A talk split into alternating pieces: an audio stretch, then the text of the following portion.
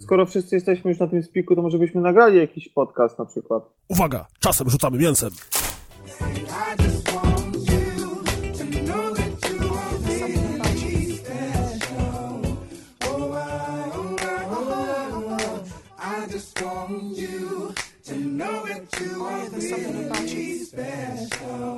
Cześć, czołem, ja jestem Grzegorz Wojewoda, czyli Press, ze mną jest Maciek Ciepliński, czyli Razer, Cześć. Paweł Borawski, czyli Fet, Cześć, cześć. Tomek Pieniak Cześć, cześć. oraz Miłosz Milo Jones. Y, Dobry wieczór. Zaczynamy specjał rozgrywki o podtytule Diablo Division. Maćku, powiedz nam, czemu taka tematyka? Y, Bo będziemy rozmawiać o grach typu Diablo, Destiny i Division. No i jak te gry się nazywają? Y, y, Y, free to play. Właśnie, tutaj cocaine, pojawia się... Crack cocaine. Tutaj pojawia się problem, bo y, tak naprawdę to nie są gry MMO, z którymi często ludzie je mylą. E, I gry te wywożą się od właśnie Diablo, czyli od hack and slasha. Paweł, może powiesz nam parę słów na temat pierwszego Diablo i tego, czym się charakteryzowała ta gra i czym tak naprawdę różni się od RPGów? To znaczy ja? Tak, Paweł, to znaczy ty. o, e, pierwszy dialog, jak generalnie tak, tak naprawdę, o, kurczę, zażyłeś mnie z tematem, bo tak naprawdę... Nie przygotował mm, w się z ogóle- Diablo akurat na dzisiaj.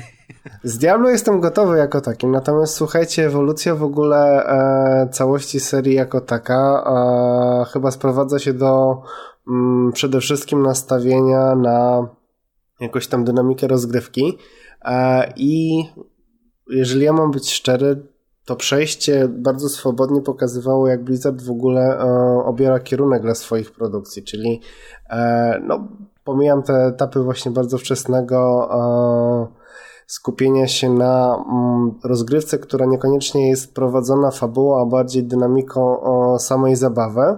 No i ja już e, przechodząc tak swobodnie przez całą serię, jakby spinając ją w całość, e, mam wrażenie, że podejście Blizzarda sprowadzało się właśnie do e, znalezienia złotego, złotego środka, gdzie to mm, w pierwszych etapach same e, elementy gameplayu, później dodanie też elementów społecznościowych będą wiodły rozgrywkę. Natomiast e, tutaj ja mam wrażenie, że na przestrzeni serii Blizzard mocno eksperymentował. Nie wiem, jak wy się w ogóle na to zapatrujecie.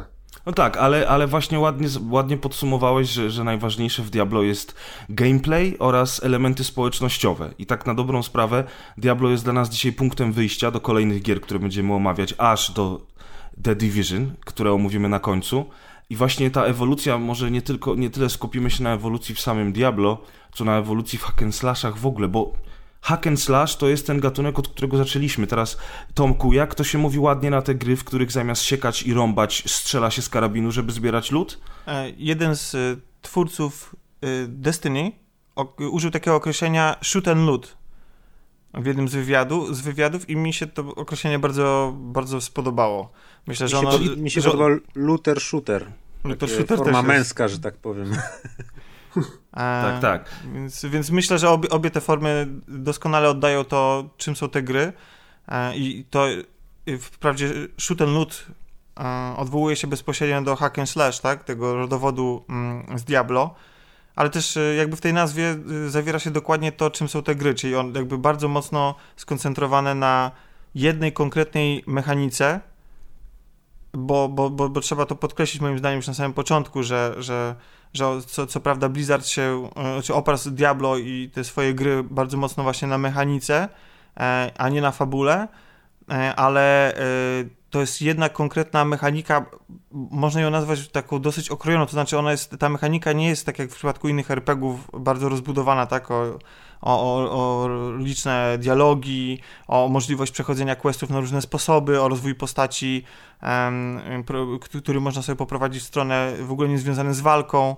Mm, Tutaj ta mechanika jest y, sprowadzona do właściwie jednej konkretnej czynności, e, takiej podstawowej, tak jak w, przy, w przypadku Diablo to będzie po prostu siekanie, tak, ewentualnie rzucanie czarów w przypadku tam innych klas, a w przypadku tych nowoczesnych y, Diablo podobnych gier typu właśnie Destiny czy Division, to będzie akurat strzelanie, tak? Ale to jest jakby one, te gry pozornie są wykastrowane z innych elementów. Moim zdaniem. No właśnie, Znaczy, tak? no, W moim odczuciu w ogóle właśnie to, do czego też e, troszeczkę dążyłem. Tak naprawdę ta warstwa gameplayowa jako taka e, sprowadza się po prostu do czynności. Natomiast czy to będzie strzelanie, siekanie mieczem, używanie czarów, e, to dalej jest tylko jakaś nadanie jakiejś określonej formy naszym atakom. Natomiast e, w tym całym spektrum tematów, które dzisiaj będziemy poruszali, chyba chodzi e, przede wszystkim o sprowadzenie się do szukania dobrego lutu. Ja bym tak to określił. No tak, przy czym Milo, a mechanika, powiedz- mechanika nie może być popsuta, tak? Jakby no, te gry bazują na tym, że ta mechanika, mimo że jest powiedzmy dosyć monotonna, bo robi się to Mhm. samo, no to ona po prostu działa. I... Dokładnie, ta mechanika jest głównym elementem napędowym gry, dlatego że y, większość czasu spędzamy w niej robiąc to samo, więc jeżeli mamy spędzić tam dziesiątki, jak nie setki godzin, a w przypadku gier, które dzisiaj omawiamy, są to zazwyczaj setki godzin, no to ta mechanika Nawet musi tysiące, być prostu, prawdę A mówiąc. nawet tysiące, tak jest. Więc ta mechanika musi być idealna. y, Dokładnie, tak ale no cel wydaje. mamy, tak, zawsze grając w taką grę, no bo głównym celem jest po prostu zdobycie czegoś lepszego. Tak, a Milo, powiedz mi, grałeś dużo w Diablo 3. Czy fabuła jest dla ciebie w tego typu grach ważna, czy mogłoby jej w ogóle nie być? Jak ty się na to Wiesz co, zapatrujesz? powiem ci tak, jak miałbym ci opowiedzieć o fabule w Diablo 3, to chętnie bym zgłosił nieprzygotowanie, bo kompletnie jej nie pamiętam. Dla mnie ona była zupełnie nieistotna w tej grze. Tam po prostu mechanika walki plus y, właśnie ten lód i to wszystko było tak miodne, że no zupełnie nie zwracałem uwagi na to tak naprawdę, co się dzieje dookoła. Otóż to, znaczy w zasadzie mało kto chyba zwracał uwagę, chociaż na przykład Razer te, te gry przechodzi zawsze w pojedynkę, żeby poznać fabułę Znaczy wiesz, ja powiem potem... tak, tam jest mnóstwo różnych smaczków, tam jak człowiek chce się w to zagłębić, to może. Przy czym no, ja nigdy nie odczuwałem takiej potrzeby, bo ta gra była dla mnie na tyle intensywna, że nawet nie miałem na to czasu. To, to ja z kolei grałem w Diablo właściwie. No nie mogę powiedzieć, że dla fabuły. Grałem dlatego w Diablo, w, w każdą z części Diablo, właściwie dlatego, że wszyscy grali. Znaczy, y, y, nigdy mnie y, y, lud sam w sobie nie interesował. Znaczy, granie tylko po to, żeby zdobyć lepszą zbroję. E, nigdy nie grałem ze znajomymi po Battle.necie w te gry, w tą serię. E, w związku z tym grałem, no bo żeby móc coś o niej powiedzieć, no i gdzieś tam jednak sprawiało mi przyjemność przechodzenie y, tych gier za pierwszym razem. Natomiast nawet, nawet sobie założyłem, bo się bardzo wkręciłem w trójkę e, w Diablo 3 i nawet zacząłem e, właśnie zagłębiać się w ten lore tego świata, mimo tego, że fabularnie to jest y, najsłabsza część. Mm, zacząłem nawet sięgnąłem po jakieś tam książki, aczkolwiek nie skończyłem ich, e, bo jednak to, to nie są moim zdaniem najlepiej napisane dzieła.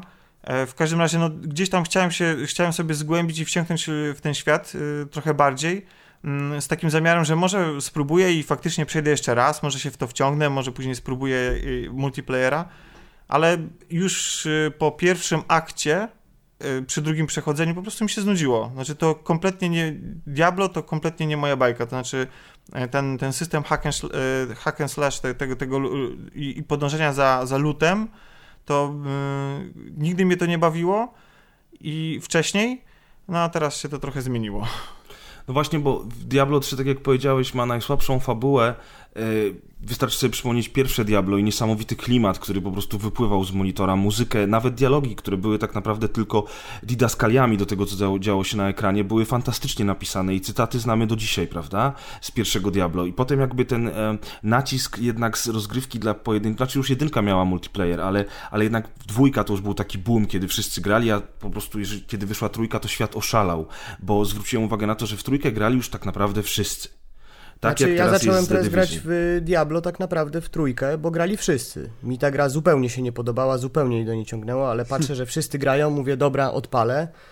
Yy, mimo, że w dwójkę na przykład dwójka mi się podobała, tak? Yy, Czy jedynka, to, to rzeczywiście, ale też inne czasy były, więc troszeczkę inaczej się do gier podchodziło.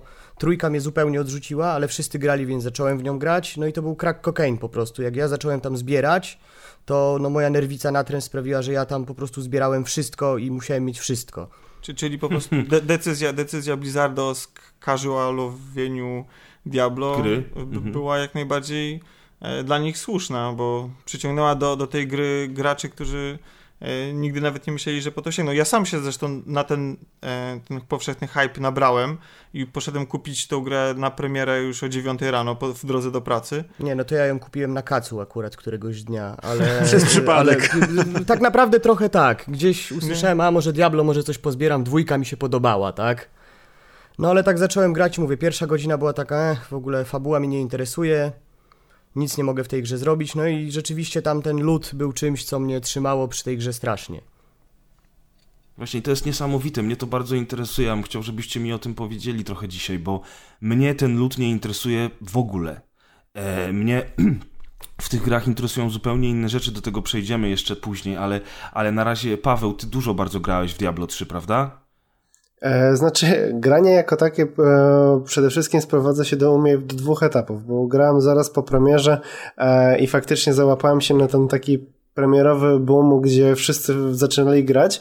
Natomiast ja odbiłem się od tej gry w momencie, gdy sprowadzało się to do zdobywania tego, tych itemów w, na etapie, gdzie inni byli w stanie sobie kupić na przykład jest Action House'a. Pamiętacie prawdopodobnie, co się działo zaraz po premierze, gdy twórcy w ogóle mocno kombinowali, jak przekuć e, te zdobywanie itemów na w ogóle kupowanie sobie e, rzeczy w Action House'ie i generalnie monetyzowanie tego swojego własnego ekwipunku.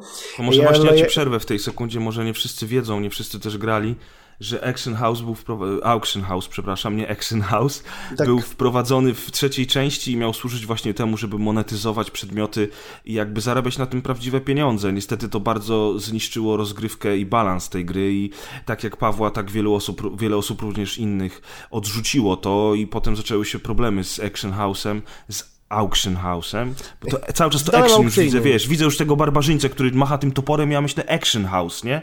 Jak te filmy akcji klasy B. No ale generalnie rzecz biorąc, jakby Blizzard zrezygnował w końcu z tego modelu e, i, i, monetyzacja przedmiotów w grze i sprzedaż ich i kupno zostały absolutnie wycofane, co, co bardzo mocno poprawiło balans rozgrywki i w ogóle grę samą w sobie razem z Reaper of Souls, czyli z dodatkiem e, wszystkie te rzeczy uległy zmianie. Znaczy ja grę no i to jest właśnie ten etap, byłem, gdzie... Ja kupiłem w ogóle po, y, że tak powiem, wycofaniu domu aukcyjnego, bo wcześniej to nie miało dla mnie w ogóle żadnego sensu. Mhm. No to ja, no- ja z kolei kupiłem na premierze, przeszedłem i uwaga, dodatek, o którym wspomnieliście, kupiłem też na premierze i Milo może zobaczyć, sięgam na półkę. E, dodatek u mnie nadal jest e, w folii. Potwierdzam. tak. A to akurat dużo straciłeś, bo dodatek zmienił dosyć mocno grę i, i, i rozgrywkę i powiem ci szczerze, że... Obiecuję sobie, obiecuję sobie wrócić co jakiś czas, yy, żeby to jednak spróbować, bo, bo Diablo 3 mi się podobało. Znaczy to, tak jak mówiłem, to nie, jest, to nie jest dla mnie... Nie chciałem w to grać dla lutu, ale, mm, ale podobno to jest fajny, mroczny i tak dalej, wszyscy zachęcają. Lepiej zagraj szybko, zanim Blizzard, wiesz, serwery zamknie. Myślisz, że zamknie? Myślisz, że już się całkowicie przerzucą na, na karty i te moby? Nie wiadomo. Nie, Diablo, Diablo 2 nadal jest utrzymywane i dostało niedawno Aha, pierwszy patch po pięciu tak, latach. Tak, to prawda. To jest to niesamowite, tak, co? O Blizzarda nie masz co się martwić, Razer. fakt, to jest wyjątek. Ale Razer, ty chyba po prostu się mało tym interesujesz, bo w grach Blizzarda nie ma Nowego Jorku i mało śniegu jest, co? To, ja, to, to nie twoja jestem, dziedzina. ja bardzo lubię gry Blizzarda do czasów właśnie powiedzmy Diablo 3, uwielbiałem Warcrafty, uwielbiałem pierwsze Diablo, drugie, ale grałem w nie właśnie zupełnie inaczej niż ci, którzy od samego początku wiedzieli w jakie statystyki pakować i biegli tylko przez mapę, omijali zwykłych mobków, bili bossa i farmili, po prostu farmili, farmili i grindowali i farmili, a ja w tym czasie sobie powolutku szedłem, tu zajrzałem, tam zajrzałem, coś mi wypadło, to się ucieszyłem i yy, bardzo lubiłem w to grać, nawet sobie odpalać właśnie po iluś tam latach, żeby sobie jeden akt przejść i tak tam tu zajrzeć, tam zajrzeć. Samo obcowanie z tą grą mi sprawiało dużą przyjemność, więc ja właśnie w tych grach, w, w, w grach z lutem, w sumie też ten, podobnie jak Tomek, nie zależy mi specjalnie na tym lucie, nie zależy mi na jakimś kombinowaniu z buildami postaci, żeby wymyślić jakieś super tutaj kombinacje i ten, tylko musi mi po prostu podejść klimat. Klimat Diablo mi ogromnie podszedł, a na przykład trójka w ogóle mi się nie spodobała i pograłem tylko chwilę w tą otwartą betę, tam nie wiem, ze dwie godziny i, i w ogóle mi to nie podeszło. Mimo, że to jest niby trzecia część Diablo, niby dalej to samo, tylko jeszcze na 11 podkręcone. A, Czyli... a na przykład wkręciłem się w Division, które wydawało mi się zupełnie nieciekawe i zlewałem tą grę i się z niej wyśmiewałem, jakie ma wszędzie głupie cyferki wypadające z, z ludzi i tak dalej, a zagrałem w betę i się mega wciągnąłem. Ale Czyli ja miałem generalnie rzecz biorąc mamy Diablo. W sensie mamy jedynka... dwie rzeczy. Mów press. Ja tylko szybko powiem i, i, i, dam ci, że tak powiem, powiedzieć, dokończyć twoją myśl. Już mi się mamy tak już, zapamiętajmy, że mamy już dwie rzeczy, które nas przyciągają w tych grach. Pierwsza z nich to jest mechanika, która musi być naprawdę udana, a druga rzecz to jest chyba ten świat, w którym gra się dzieje, prawda? Bo my ten świat jednak chłoniemy, mimo wszystko, mimo tego, że w tych grach fabuła zazwyczaj jest średnich lotów, prawda? No bo no. prawdę mówiąc, to tam, to tam niewiele jest yy, poza tym, to co, powiedzi to co powiedziałeś. Jest świat i mamy, i mamy tą, tą, tą podstawową mechanikę. Ale jeśli właśnie to jest fajne, że jeśli wszyscy zwracają uwagę na to, że musi być dobra mechanika, to tak się zastanawiam, że fabuła w tych grach nie jest potrzebna, bo nikomu jej nie brakuje. A mimo wszystko często zdarzają się ludzie, którzy mówią, że na przykład właśnie o, w The Division jest beznadziejna fabuła. Wiesz co, ja, ja, ja się, ja, się, ja, ja, się trochę nie zgodzę z tym, bo e, z tych wszystkich gier najbardziej wsiąkłem w e, Destiny i pomijając tą hipnotyczną wręcz mechanikę, która jest po prostu autentycznie fantastyczna. Ja do tej gry wracam nie po to, żeby zdobyć lepsze uzbrojenie, lepszą zbroję i tak dalej, wyższy poziom światła, tylko wracam do, do niej od czasu do czasu. To jest mój, nie wiem, pasjans. to jest dla mnie taka gra, która po prostu mhm. jakby... Ja nigdy nie gram w gry dla zabicia czasu, bo jakby ale mm, po prostu co, jakiś czas lubię do niej wrócić po to, żeby sobie po prostu zwyczajnie e, postrzelać, bo tak, tak, tak dużo przyjemność sprawia mi granie w tę grę, ale to, co mnie ujęło, to czy, czy mnie ta gra ujęła od samego początku, to właśnie e, świat i fabuła. I to jest o tyle zaskakujące i ciekawe, że e, tam były duże problemy z fabułą w tej, w tej grze i praktycznie właściwie na początku w ogóle nie było, bo deweloper na rok przed wypuszczeniem e, o, Mój czas się skończył. Milo, wstawaj. Tak, jeszcze nie, koniec. Nie, nie, tak, tak, właśnie.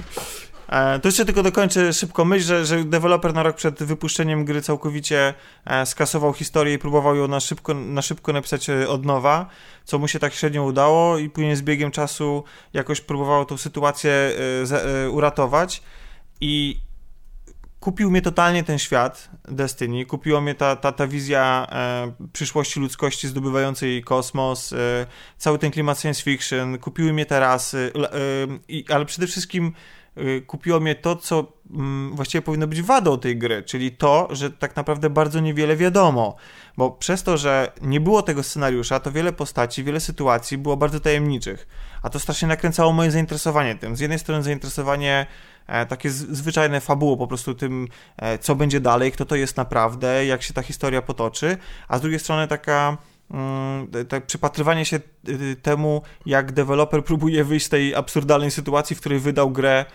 praktycznie bez fabuły, a to, co zamieścił w niej, to jest jeden wielki bełkot. I wydaje mi się, że udało mu, że udało mu się dzięki temu stworzyć coś bardzo interesującego. Zwłaszcza podobało mi się w przypadku Destiny to, że tą fabułę, właśnie to, co, y, to, co tutaj powiedziałeś, Grzegorz, że, y, że, że, że, że, że ta fabuła nie jest tak istotna w samej grze, bo to zresztą pewnie do tego jakoś tam za chwilę przejdziemy sobie, e, dlaczego nas ta fabuła właściwie, jej tam nie musi być. E, o tyle to jest fajne, że, że w przypadku Destiny ta fabuła tam gdzieś istnieje i ją można chłonąć w, poza grą za pomocą kart, tak, które możesz sobie przeglądać na komputerze albo y, w aplikacji mobilnej, na telefonie czy na tablecie. I to w moim przypadku to mnie nakręcało jeszcze bardziej na ten świat, bo mogłem z nim obcować wtedy, obcować wtedy kiedy nie grałem w grę poznawać znaczy, jego historię. To jest na pewno na plus, tylko mi po prostu chodziło o to, że tacy gracze jak ty, czy, czy ja, myślę, że stanowią jednak mniejszy procent tych wszystkich ludzi, którzy grają w te gry, a jednak większość jest właśnie po to, żeby ten lód w tych grach zbierać i dropić, i expić, i grindować, i farmić. Tylko, że wiecie, jak nam się zmienia trochę podejście do gier, tak? Kiedyś, no tak samo jak dla mnie w Diablo 1 czy 2, no fabuła była czymś, co sprawiało, że ja grałem w tą grę przez co tak naprawdę te gry teraz są no, dla mnie trochę ponadczasowe, tak? Ja nadal mogę odpalić Diablo 2 i nadal chętnie w to zagram i chętnie przypomnę sobie tą historię. Mhm. I bardziej zastanawia mnie taki fakt, y, nie wiem, co będzie właśnie z takimi grami jak Division, Diablo 3, czy, czy to wspomniane Destiny za, nie wiem, 10 lat.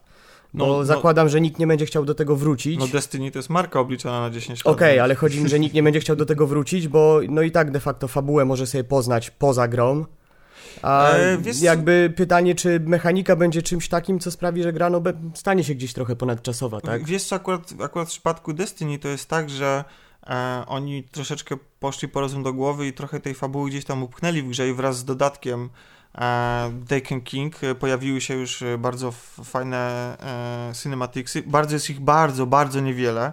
Pojawiły się też skrypty w trakcie gry, które gdzieś tam podkreślają też e, dodają jakichś smaczków fabularnych, podkreślają atmosferę miejscówek, bo to jest to, co Grzegorz powiedział, że bardzo istotny jest świat w tych grach.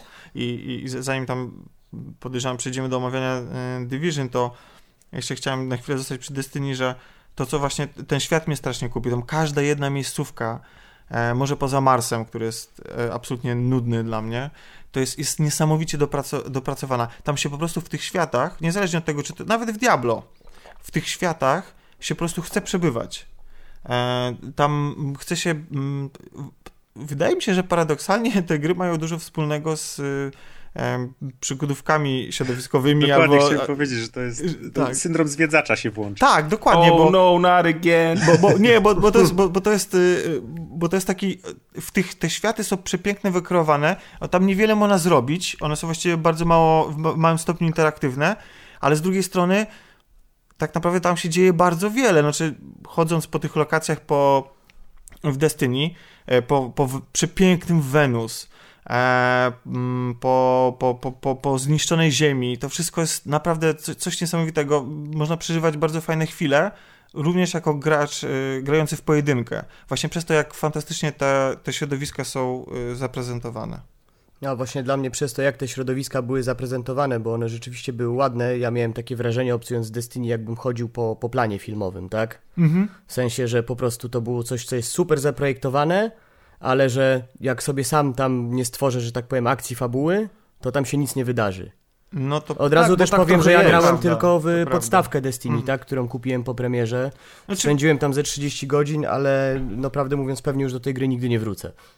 Nie oszukujmy się, nawet po dodaniu The Taken King to nie jest żadna tak, fabularna perełka, nie. aczkolwiek dużo rzeczywiście zmienia, przede wszystkim dodaje całą masę aktywności. Widzisz, y, ty Milo mówisz o, o Destiny, ja mam podobne wrażenie, kiedy gram w The Division. To są, to są takie Ale światy, zdanie się których... nie liczy.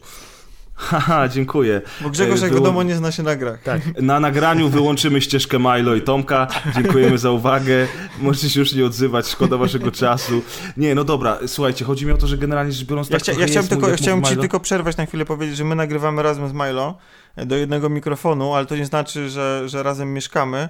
Więc, Dokładnie. E, więc, więc wszyscy, którzy e, zainteresowani już. E, kontaktami matrymo, matrymo, towarzyskimi z Milo, nadal mogą uderzać śmiało do kolegi. No i z Tomkiem oczywiście również.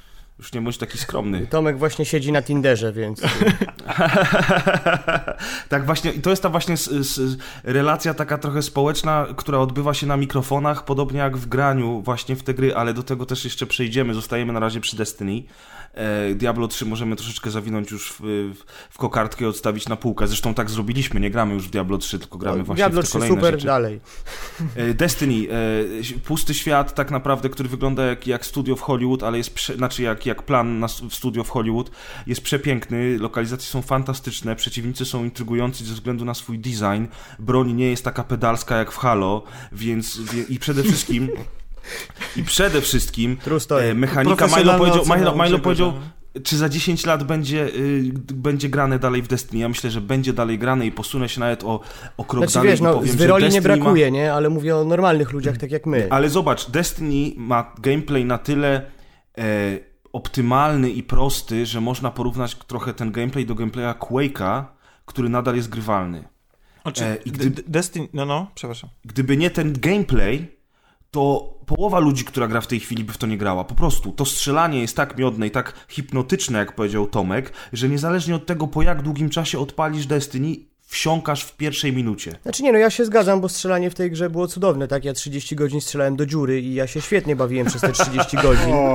E, przy czym, no jakby po prostu chyba ta dziura mnie znudziła już, tak?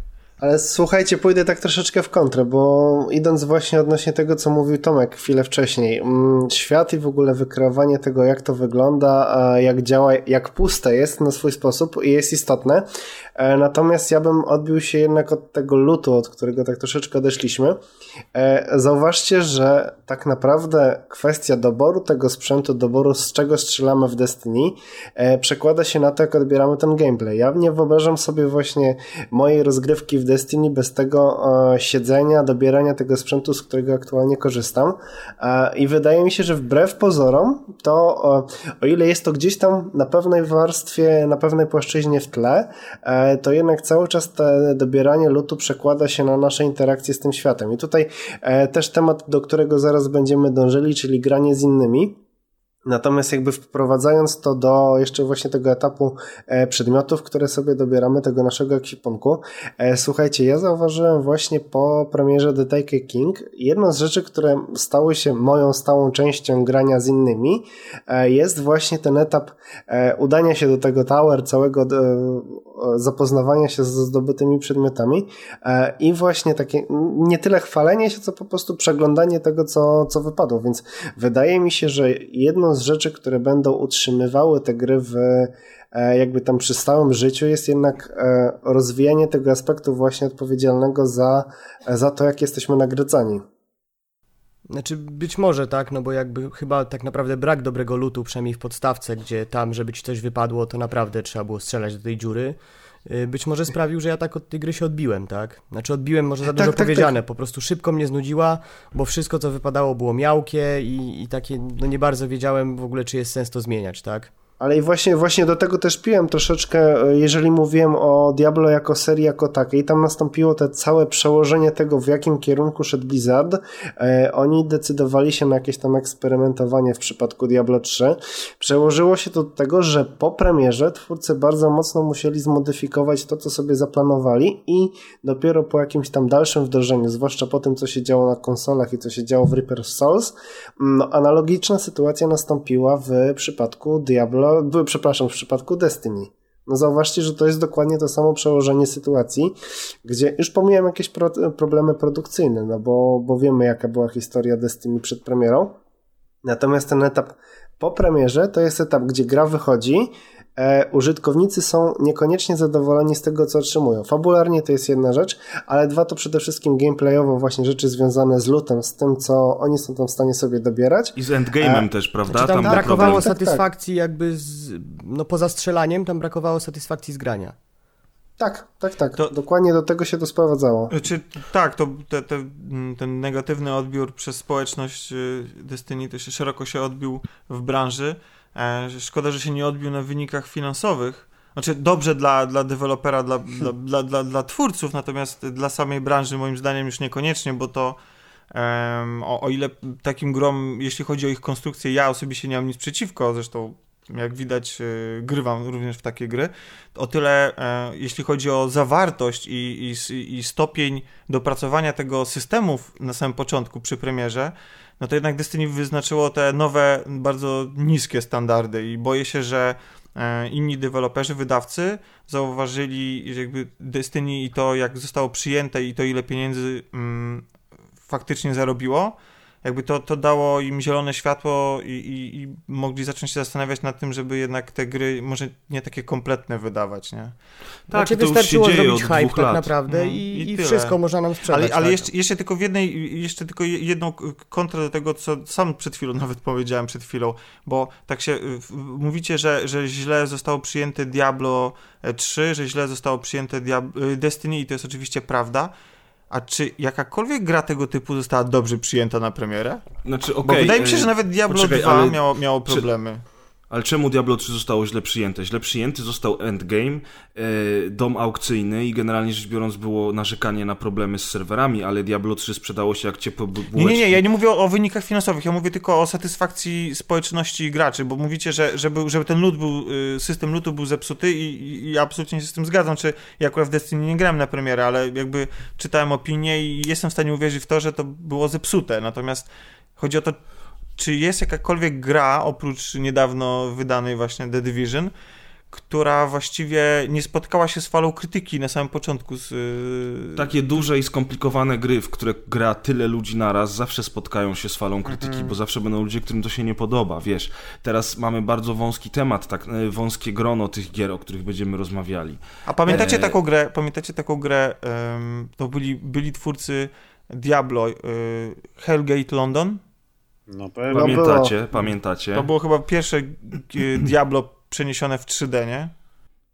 No i, i, przede wszystkim strzelane. Znaczy, wiecie o co chodzi chyba też y, z takimi, mówisz Prez, że z jednej strony wielkie gry. Wydaje mi się, że po prostu poziom hypu, który jest generowany teraz, sprawia, że nasze oczekiwania co do tych gier często są naprawdę mocno przesadzone. Y, stąd podejrzewam, że ta fala krytyki na wszystkie te gry, tak? To, to, jest na, jedno. To na wszystkie gry, wszystkie, z różnych gatunków tak jest. Tak, to jest jedno, ale, ale z drugiej strony to, co mówi Miłosz, to jest jedna z rzeczy i to jest absolutna prawda, że ludzie potem mówią, a ja myślałem, że to będzie bardziej jak, a jest bardziej jak, więc mi się to nie podoba 2 na 10, tak? Ale z drugiej strony mamy to, co mówi Tomek. Destiny zostało wypuszczone jako niepełny produkt. Potem po, producenci wzięli za to grube miliony, sprzedali to jako produkt AAA, a, a znaczy, potem... nie, no Destiny no, to później... była patologia, oczywiście, jak najbardziej. Dodamy to, dodamy tamto i co się dzieje? Hitman zaczyna wychodzić w odcinkach, bo okazuje się, że opłaca się bardziej dystrybutorowi ściągnąć od nas pieniądze i potem go dopiero uzupełniać. E, nawet, nawet Division, do którego dojdziemy, też jest grą, w której za chwilę zacznie brakować kontentu, ale już jest plan na to, że będzie to, że będzie tamto, że będzie to, część będzie rzeczy za darmo, hmm. część rzeczy będzie płatnych, ale de facto prawda jest taka, że ta gra nie ma jeszcze wszystkich elementów, które twórcy chcieli do niej wsadzić.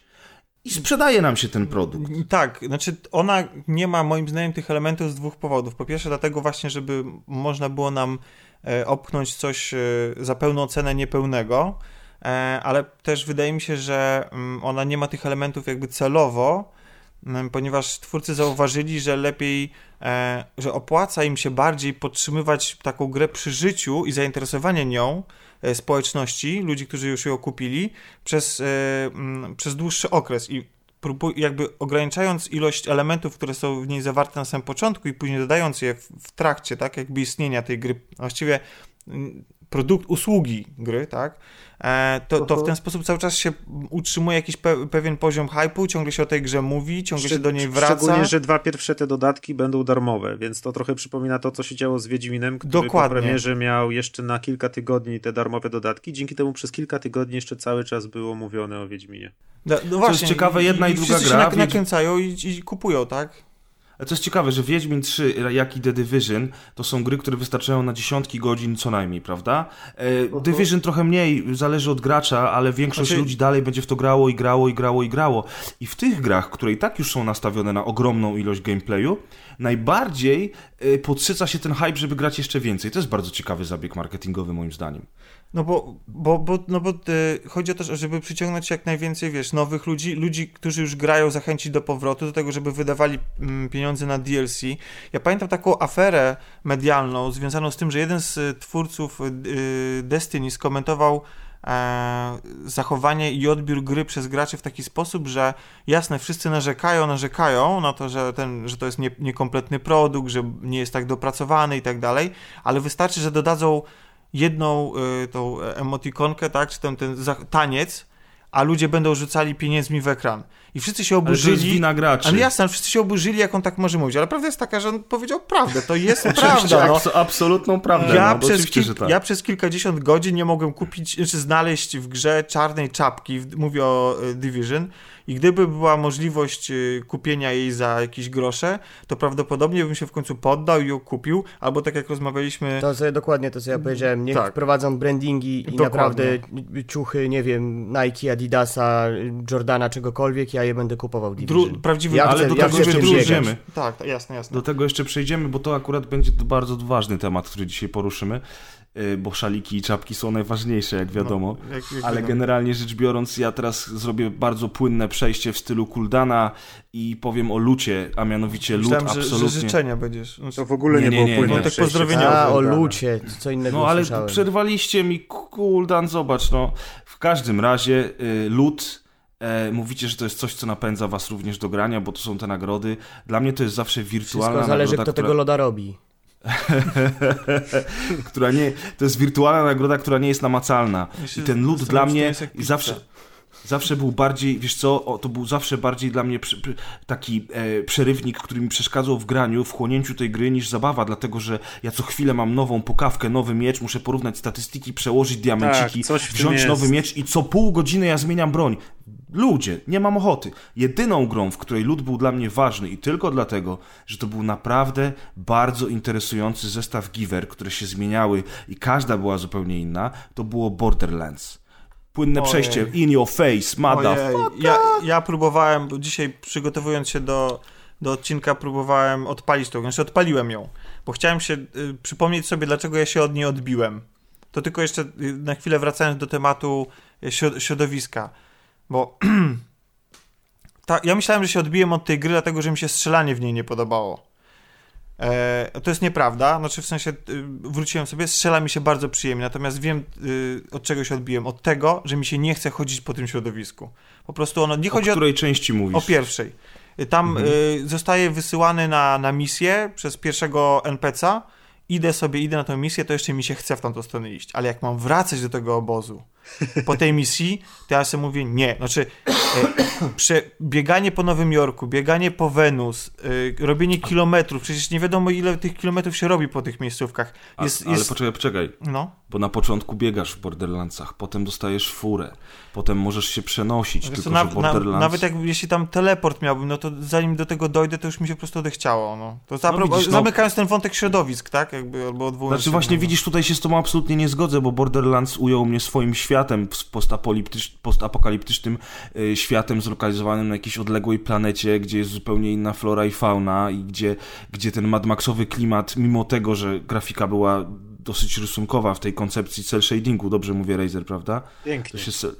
Się, no, i generalnie rzecz biorąc, y, mnie ten świat wchłonął na maksa, na setki godzin i e, owszem, jedynka już jest dosyć archaiczną grą, mimo tego, że wcale nie jest taka stara, to strzelanie faktycznie, no strzelanie jest podobne jak, jak chociażby w The Division tak naprawdę, ale dwójka potem pokazała jeszcze bardziej rozwinięty świat z różnymi z różnymi strefami tego świata, gdzie był, była i pustynia, i były lodowce, i było miasto, i coś tam jeszcze. I to wszystko razem y, daje bardzo złożony świat gry, w którym dzieje się strasznie dużo. I wbrew pozorom w Borderlands jest jeszcze jedna rzecz. Jest bardzo ciekawa fabuła i bardzo śmieszne dialogi. Po prostu granie w tą grę to jest, to jest po prostu beczka śmiechu. To jest trochę tak jak oglądanie Deadpoola. Jest akcja, i są dowcipy, i są dowcipy o bąkach, i są jakieś oczka puszczone w stronę graczy, e, czy w stronę popkultury w ogóle. I, I, ten świat Borderlandsów y, na pewno, na pewno powinieneś dać mu szansę. Jeżeli jedynka jest dla ciebie już za stara, to może w dwójeczce powinieneś spróbować, bo... Nie, znaczy jeśli chodzi pozorom... o, o, o, poziom grafiki, to dla mnie jest okej. Okay. No, ta grafika mi bardzo przypomina y, jedną z moich ulubionych gier z Wii, a przecież to jest wiadomo konsola, która nawet HD nie, nie, nie wyświetla obrazu, nie generuje, e, czyli Red Steel 2. Ona bardzo mi tą grę przypomina, więc to nie chodzi o to, że ona mi się nie podoba, tylko e, przebywając, y, ja absolutnie, bo to jest kwestia oczywiście tego, że kto by się podoba taki setting i ja nie mówię, że on jest jakiś y, zły i tak dalej, po prostu to środowisko e, nie zachęca mnie do tego, żeby w nim przebywać i go zwiedzać po prostu i tyle, ale to może albo to jest moja osobista preferencja, albo być może faktycznie jest trochę e, gorzej zaprojektowane niż... No e, ja na przykład od Borderlandsów uciekłem do Rage'a od id Software i mimo tego, że to są tak naprawdę różne gatunki, bo Rage jest zwykłym shooterem bez żadnych tam wydziwnień, a tutaj jest jednak ten looter shooter w Borderlandsach, to dla mnie te gry były jakby, ja je obie sobie porównywałem, dla mnie to były postapokaliptyczne strzelanki, pograłem trochę w jedną, odłożyłem, poszedłem do Rage'a i tam się o wiele lepiej bawiłem, więc właśnie to podejście jest takie ja właśnie na przykład właśnie się zastanawiam przez całą naszą rozmowę, czy jest coś takiego jak fan gier z lutem, bo mamy na przykład fanów strzelanek i oni grają we wszystkie strzelanki albo większość strzelanek, które wychodzą na rynek. Mamy fanów, nie wiem, y, wyścigów i oni grają większość wyścigów. A czy są fani gier z lutem, którzy grają we wszystkie gry z lutem na przykład, czyli grają i w Diablo, i w Destiny, i w Borderlandsy, i jeszcze w jakieś tytuły, których w ogóle nie znamy, ale jeśli tylko jest jakaś gra z lutem, Torchlight i inne, to oni je kupują i grają. Znaczy ja... na pewno. Czy, czy, czy, bo, bo na przykład, bo mnie te gry tylko wyrywkowo porywają niektóre, więc do gatunku nie jestem przyzwyczajony, a czasami trafia się właśnie takie Diablo, takie, takie Division, które mnie wciąga absolutnie. Znaczy mnie Borderlands fani... odbiły strasznie, nie? Ja miałem jakby to samo, że no tak naprawdę odpaliłem chyba dwójkę. Fakt faktem próbowałem z znajomym pograć tylko w to w koopie no, byliśmy bardzo pijani, nie ukrywam, natomiast no, ja się odbiłem od tej gry strasznie i ani nie była to dla mnie beczka śmiechu, no dla mnie to było strzelanie, które było fajne, no i tak naprawdę bieganie w kółko, tak, i, i zupełnie ten lód i to wszystko w tej grze do mnie nie trafiało, być może też dlatego, że było go tam dla mnie za dużo.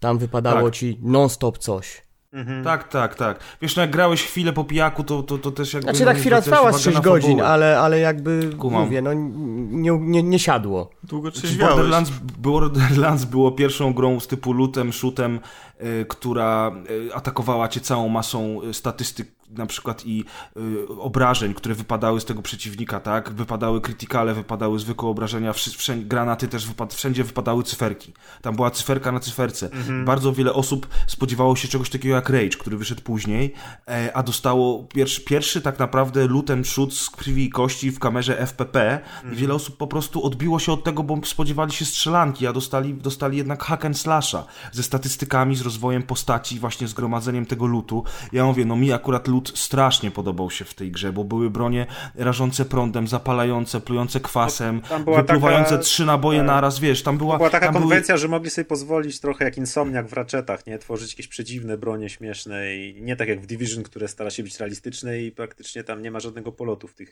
broniach, nie? A tam... Tak Ale jest. wiecie, bo tutaj jest też e, kwestia, wydaje mi się przynajmniej, e, naszego jakiegoś osobistego podejścia do tego, jak traktujemy ten lud.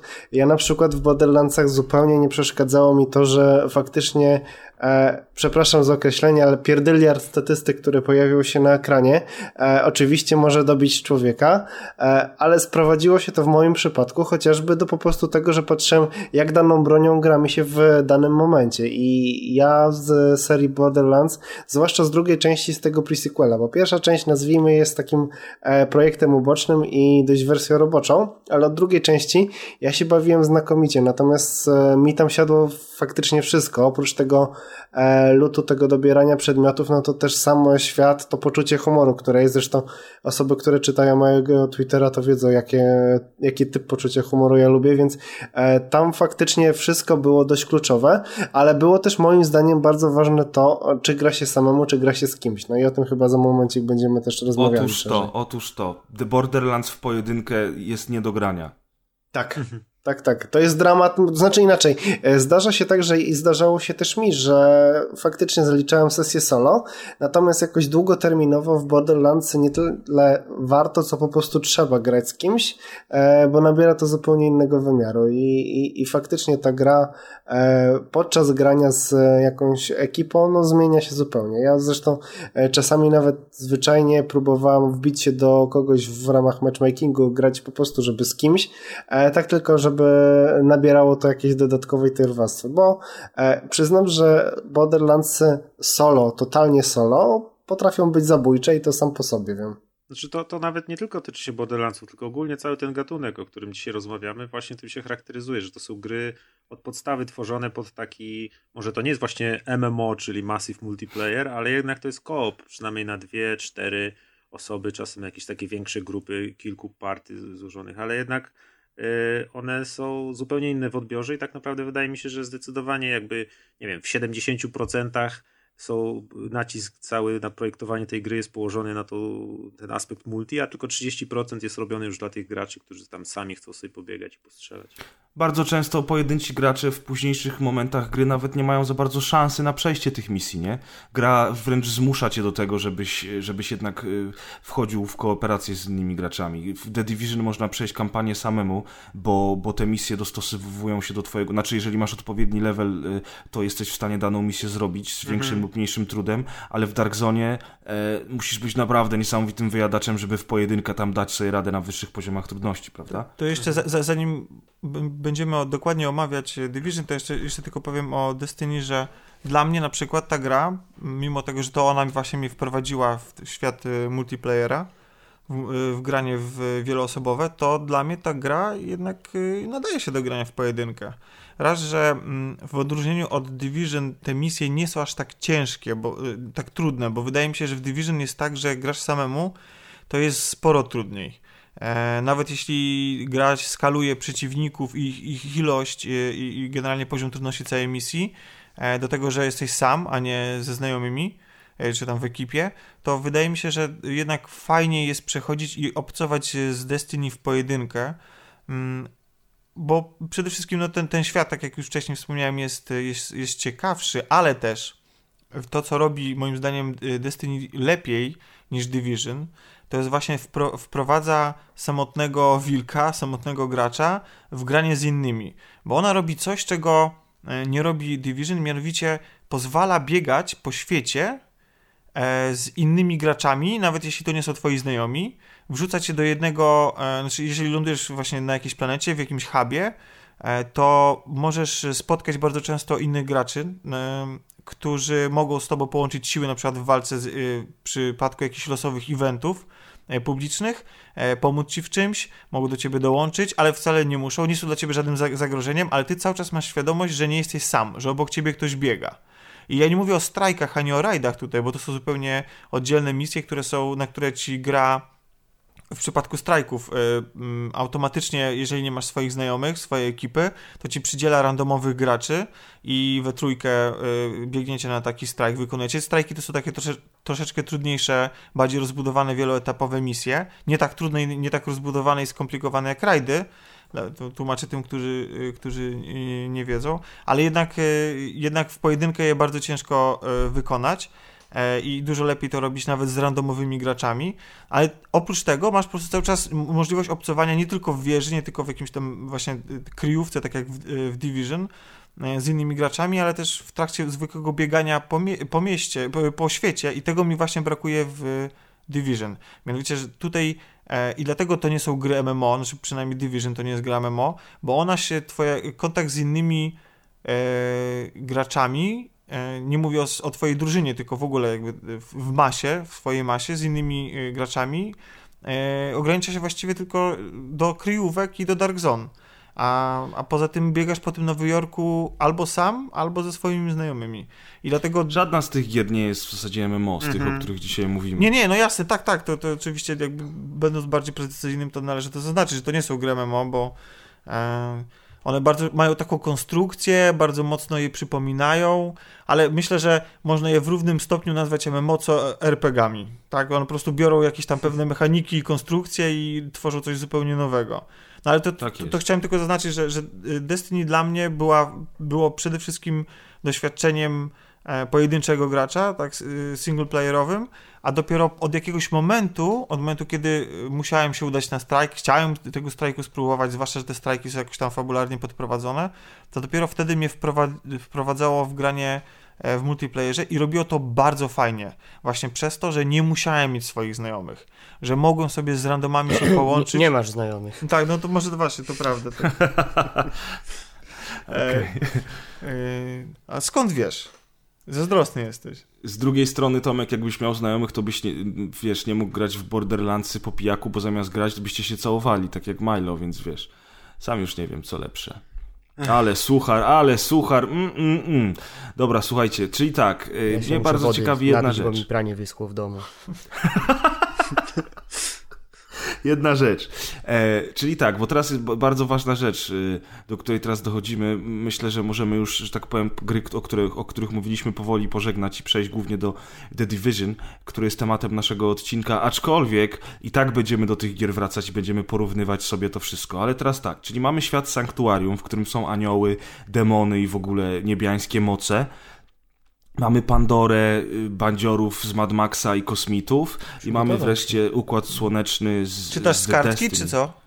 Nie, nie, po no. prostu taki dobry jestem w tym, co robię, wiesz? On grał w te gry, znaczy widział zwiastuny. G grałem w te gry, widziałem zwiastuny, rozmawiałem z kolegami. No, w każdym razie mamy właśnie jeszcze Układ Słoneczny, czyli oczywiście Destiny, cudowne różne światy, różne planety tych fantastycznych kosmitów, trochę yy, yy, wywodzących się z, Lo z Lovecrafta, ale nie tylko. I teraz nagle dostajemy przyziemną historię dziejącą się w jednym mieście, w którym chodzimy ubrani jak przeciętni ludzie z naszych czasów, mamy zwykłe pukawki, niewiele się od siebie tak naprawdę różniące i świat zwariował. O co w tym chodzi, panowie? Kto mi powie? Że masz jakąś traumę z Gdańska? Bo nie bardzo nadążyłem. nie, nie, ja, ja, się akurat z Grzegorzem zgodzę, bo patrząc na to, czym jest y, na papierze, jak wygląda Division, to e, z jednej to, to wygląda jak właściwie mm, potencjalny niewypał, no bo z jednej strony masz e, oklepane miasto Nowy Jork, który w grach jest po prostu no, do wyżygu, tak? W sensie jest tak mielony przez wszystkie GTA i inne e, sandboxy, no, jakby odwiedzaliśmy Nowy Jork już tyle razy, już nawet w grach Lego odwiedzamy Nowy Jork. I tylko ciągle Nowy Jork i Nowy Jork. Dostaliśmy ten Nowy Jork znowu. Po drugie mamy znowu apokalipsę którą przeżywaliśmy przez całą poprzednią generację i, i ciągle ją przeżywamy. Co najgorsze, nie ma zombiaków, nie? Człowiek Właśnie, jest przyzwyczajony, tak, że jak są nie... apokalipsa, to gdzie są zombiaki, tak. nie? A poza... Na pewno będą w DLC, zobaczycie Bankowo, jeszcze. A poza tym, a poza tym... Yy wiecie, jakby ciągle mówimy o tym lucie i jak, jak dostajesz jakiś y, nowo fantazyjną broń w Diablo, która ma jeszcze być może śmieszny opis, albo na przykład legendarną jakąś pukawkę w, y, Division, y, w Destiny, e, która bajerancko wygląda, a tam bronie naprawdę wyglądają bardzo fajnie i fajnie działają, no to jest, wiesz, to jest jakaś nawet człowiek, który nie, nie cierpi lut, znaczy jakby nie tęskni za lutem tak jak ja, to, to się z tego cieszy. No ale tutaj to już trzeba być naprawdę albo jakimś fanem ekstremalnym militariów, wojskowości, albo jakimś zwyrolem, gdzie, który, który, który, żeby się jakby podniecać, że dostajesz troszeczkę lepszego kałacha. No, jakby, no, ale przepraszam, ale właśnie ostatnio dwa dni temu grałem z, z Tipsem z Nvidia Garage. Pozdrawiamy Tipsa z Boczeńca Broni, który opowiadał mi w ogóle o tym, że to jest wersja Soką, bo ma krótszą lufę, a ta ma taki magazynek, a ta ma taki magazynek. O, Grzegorz, jesteś wersją Soką? Zaczął, po czym zaczął strzelać z pistoletu w szyby w samochodach, żeby pokazać mi, że jak strzelasz obok tego miejsca, które już pękło, to odłamują się kawałki kolejne szkła, na co ja w ogóle w życiu nie wpadłem, żeby to sprawdzić. Okazało się, że to jest tak zarąbiście zrobione, że po prostu strzela w dół, nie? Jest o, bardzo dużo okay, ludzi, okay, którzy się tym okay. interesują. No dobra, ale... ale jednak y, tę grę kupiło 5 milionów osób. Wątpię, żeby było tylu fanów y, militariów. Y. Ale no, oczywiście. wiecie o co chodzi? Właśnie moim zdaniem tematyka tej gry i to, jak bardzo ona jest przyziemna, właśnie jakby świadczy o sukcesie tej gry, tak? To jest coś, co sprawiło, że ludzie chcą w to grać. Nie ma, bo... nie ma takiego settingu w tym gatunku gier, nie? Po pierwsze, tak. po drugie ludzie się czują w cudzysłowie jak na własnym podwórku, tak? Jak na czymś, co znają, co potrafią sobie wyobrazić, potrafią sobie założyć, że nie wiem, sytuacja kiedy... taka mogła mieć miejsce w wybuchu tej epidemii i że może kiedy tak by grają było. kolesiem, który biega w jeansach i w kurce puchowej, nie? Dokładnie i bardzo często wyglądają tak samo, wiesz. mocy i w ogóle. Czyli generalnie rzecz biorąc, ludziom się przejadło już to takie znaczy, science kurde, Grzegorz, fantasy. ja nie chcę zapierdalać, strzelać do dziury gdzieś tam po księżycu, latać na kucyku, albo nie wiem, zabijać diabła, bo no okej, okay, to jest fajne, ale z drugiej strony, mimo wszystko, y, jakby wydaje mi się, że ta gra jest być może trochę dojrzalsza w tym tak. znaczeniu, że ja jako człowiek, który ma, nie wiem, tam około 30 lat, no nie jest mi wstyd Wolisz powiedzieć, że pokażę to znajomym że gram w coś takiego, niż bym pokazał, kurwa, że tam latam w białej zbroi w Destiny, tak? Znaczy, mi znaczy, się, znaczy, ja, ja się, z tobą, ja się z tobą, Miłosz, absolutnie zgadzam. Ja też uważam, że ten setting, wiesz, że ten setting jest ciekawy i dlatego do ludzi przemawia właśnie przez tą swoją przyziemność, a poza tym, no, to nie jest znowu taka przyziemność, to jest naj, naj, największe i najbardziej znane miasto na świecie, więc w takiej grafice i w takim realistycznym przedstawieniu tego miasta każdy chce je zwiedzić. To jest też bardzo ważny element Division, prawda? Więc oczywiście zgadzam się z tym, że ile a można ludzie latać na kucyku. lubią robić, wiesz, przyziemne rzeczy, tak naprawdę. No. Znaczy nie, bo to, to trzeba oddać e, tej grze, że ona przede wszystkim wygląda fenomenalnie. I całe to środowisko, tak jak ja tutaj y, piałem z zachwytu nad y, Destiny, to y, wcale nie gorzej wygląda to przyziemne miasto, zwłaszcza, że ono jest nie dość, że jest tak niesamowicie szczegółowo oddane, to jeszcze mimo pozornego, mm, pozornej monotonności, to tak jak w przypadku normalnego miasta, tak? Jak, jak patrzysz na ulicę jak ulica, każda jedna jest prawie taka sama, to mhm. jednak te miejscówki potrafili tak zaprojektować, że przynajmniej jeśli chodzi o misje fabularne, że każda z nich jednak y, zionie wręcz zupełnie innym klimatem, zupełnie inaczej się odczuwa i się przebywa w zajezdni autobusowej, zupełnie inaczej wygląda to na cmentarzysku pociągów, jeszcze inaczej na budowie metra.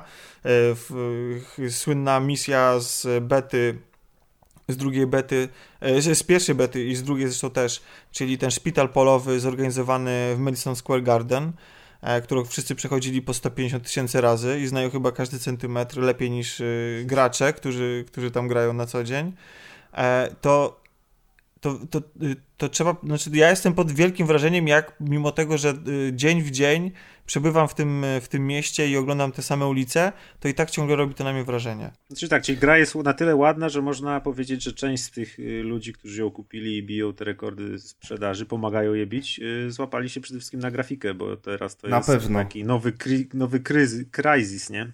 Tak, na pewno. Grafika jest, i jakby klimat, tak, który jednak przemawia za tą grą. No umówmy się, gra, gdzie przebiegasz i widzisz tyle worków na śmieci, że po prostu czujesz, jak ci śmierdzi w mieszkaniu, tak? Tak, to jest... To jest coś takiego, no, że gra niby wydaje się lekka, tu strzelanie, tu coś, ale w rzeczywistości ten klimat w niej jest jednak bardzo przytłaczający, tak? Tobie zawsze śmierdzi w mieszkaniu, po co ci tak No bo spałeś u mnie ostatnio, to dlatego.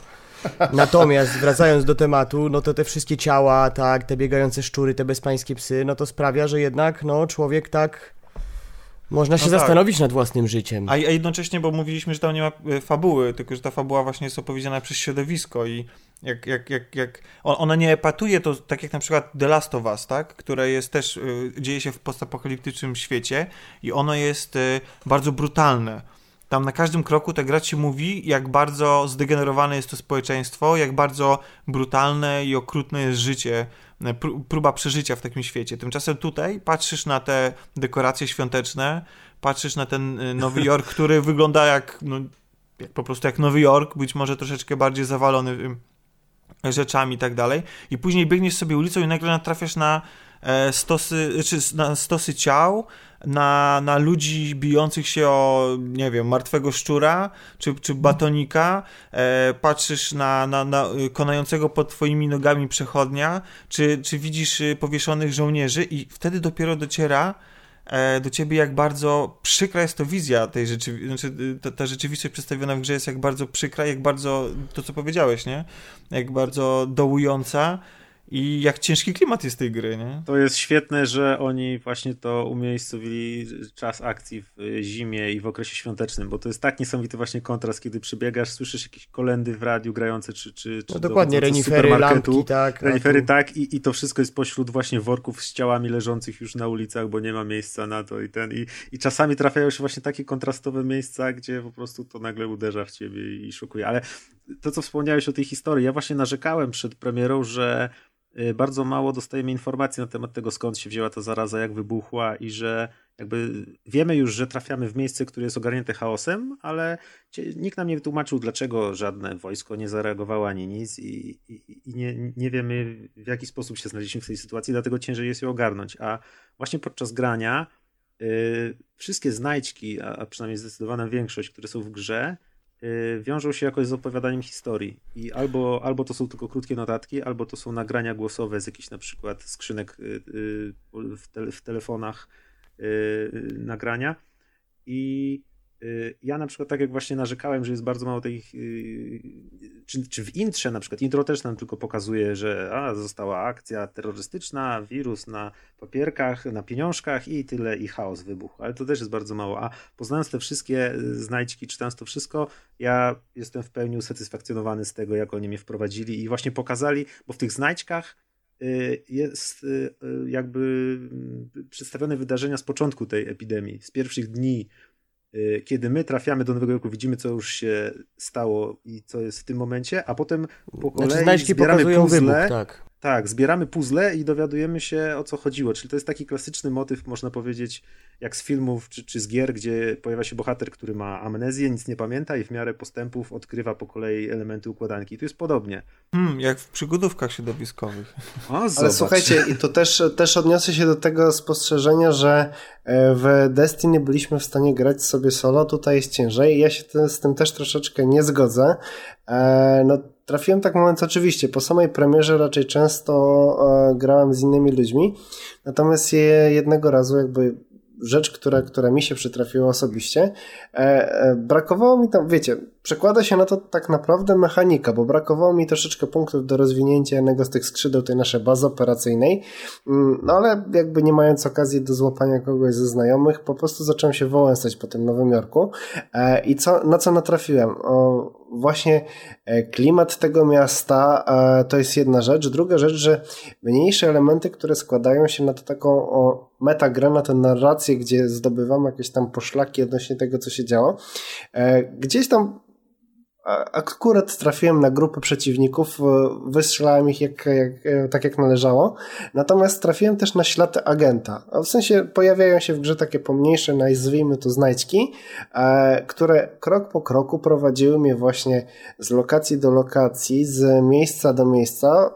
powoli złapałem detale właśnie odnośnie jednej zaginionej osoby, o której do tej pory nie miałem pojęcia. I wydaje mi się, że sukces tej gry właśnie związany jest z tym, że jednocześnie są to sprawy zdecydowanie nam bliższe, bo to nie jest jakieś totalne sci-fi, e, to nie jest e, totalne fantazy, e, to są rzeczy, które mimo wszystko gdzieś z perspektywy kilku lat są w stanie mieć miejsce i to jest na swój sposób i fascynujące i przerażające właśnie odkrywanie tego co mogło nastąpić w grze, a co tak naprawdę może nastąpić też w rzeczywistości. A to, to, to, do, do, do, no. No, czy, no, bo Paweł dotknął bardzo ważnej, istotnej rzeczy a propos właśnie e, fabuły. Zresztą to się do ciebie, Maciek, też dotyczy, bo ty e, ostatnio lubisz biegać samemu. E, no. że, e, że ty, to, co mówiliśmy wcześniej, że ta fabuła nie jest tak nam w tych grach potrzebna, bo prawda jest taka, że jak się gra w kilka osób, to bardzo ciężko ją pochłonąć, zwłaszcza jak się gra ze mną, ja dużo gadam i zawsze, zawsze Grzegorz ma do mnie pretensje, że mu zagaduję kwestie dialogowe. Znaczy, to, no, nie jest kwestia, to nie jest twoja kwestia, to jest kwestia grania z kolegami tak. we wszystkie gry tego typu. Jeszcze we cztery, Dlatego, dobrze, ale osoby, zanim, gdzie... zanim, zanim zniechęcimy ludzi do, do grania w takie gry, to może najpierw powiedzmy, jak, jaka radość płynie z grania wspólnego i jeszcze tylko kończąc wątek fabuły, że, że właśnie, że faktycznie ja też wykonując, wałęsając się, wałęsając się samemu po Nowym Jorku, E, i wykonując misje poboczne, dużo bardziej wsiąkłem w ten świat, dużo więcej się o nim dowiedziałem, dużo bardziej jakby y, mnie wciągnął i, i, i to, co powiedział Paweł, właśnie odkryłem y, wiele smaczków i y, z fabuły, tej głównej, jakichś tam pobocznych. I dużo bardziej też mnie dotknęła ta um, ten upadek tej cywilizacji, te rzeczy okrutne, które się tam działy, bo wtedy, wiesz, wiecie, wsłuchujemy się w te wszystkie przy, przeraź, przeraźliwe historie, któreś tam w, za pomocą e, e, echa, tak, e, mhm. sobie możemy od, odtworzyć, ale e, bo ja nigdy nie byłem fanem tego typu gier i powiem szczerze, Division nie kupiło mnie od samego początku. To, e, a właściwie kto, dzięki, które, dzięki komu stwierdziłem, że tak, na pewno to kupię grę na premierę, to jest siedzący obok mnie Milo, i nasza e, wspólna wyprawa po Nowym Jorku, chodzenie w nocy e, o czwarty nad ranem po, po Nowym Jorku podczas bety otwartej i dyskutowanie o życiu. I wtedy zrozumiałem dopiero, gdzie leży prawdziwa siła tych gier. Nawet nie w środowisku, nie, nie, nie w tym, w tej czystej mechanice, nie w lucie, tylko właśnie w tym, że możesz to wszystko przeżywać z kimś. Tak, ale widzisz, tutaj akurat multiplayer od zawsze miał tą siłę. Ja pamiętam, jak były środy z Las Compresa, to był Tomb Raider. Wszyscy był pamiętamy Splinter środy z Las Compresa. Słucham? Nie, nic, nic, mów. Możesz powtórzyć, bo nie dosłyszałem. Mówię, że wszyscy pamiętamy środy z Las Compresa. Nie no, to, generalnie rzecz biorąc, już trochę taka legenda się zrobiła na rozgrywce. No, mieliśmy że takie spotkania. Laskę wiemy. Praktycznie będzie to za, przy każdej okazji będzie wspominać te środy. No bo to było, nie, bo to jest dobry punkt wyjścia, Maciek, zobacz, bo ty byłeś jednym z, z, z notorycznych, że tak powiem, uczestników. Był Burnout Paradise, był Tomb Raider, był Splinter Cell, to wszystko były różnego Powiem rodzaju ci, że wyraz gry. notoryczny w zestawieniu z Laską Preza nie brzmi, do, nie brzmi dobrze. A, już się nie będę odzywać. Nie no, nie bój się Milo, Maciek, on tylko tak jest dobry w gębie, wiesz.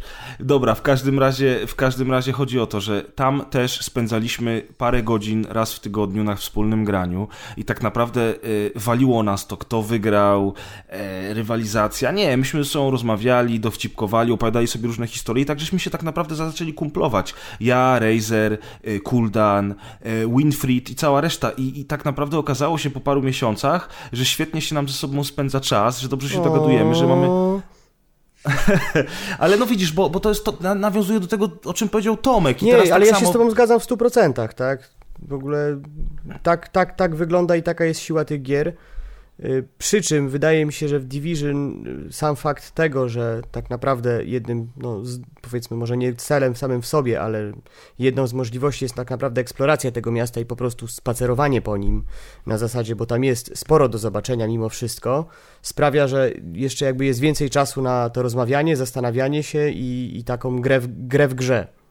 Tak. Tak, ja sobie o, dzisiaj odświeżyłem trailer, który się, mm, ten słynny trailer, który się pojawił na E3 w 2013 roku. E, I stwierdziłem, że po pierwsze e, Ubisoft wcale nas tym razem wyjątkowo nie oszukał, jeśli chodzi o oprawę graficzną.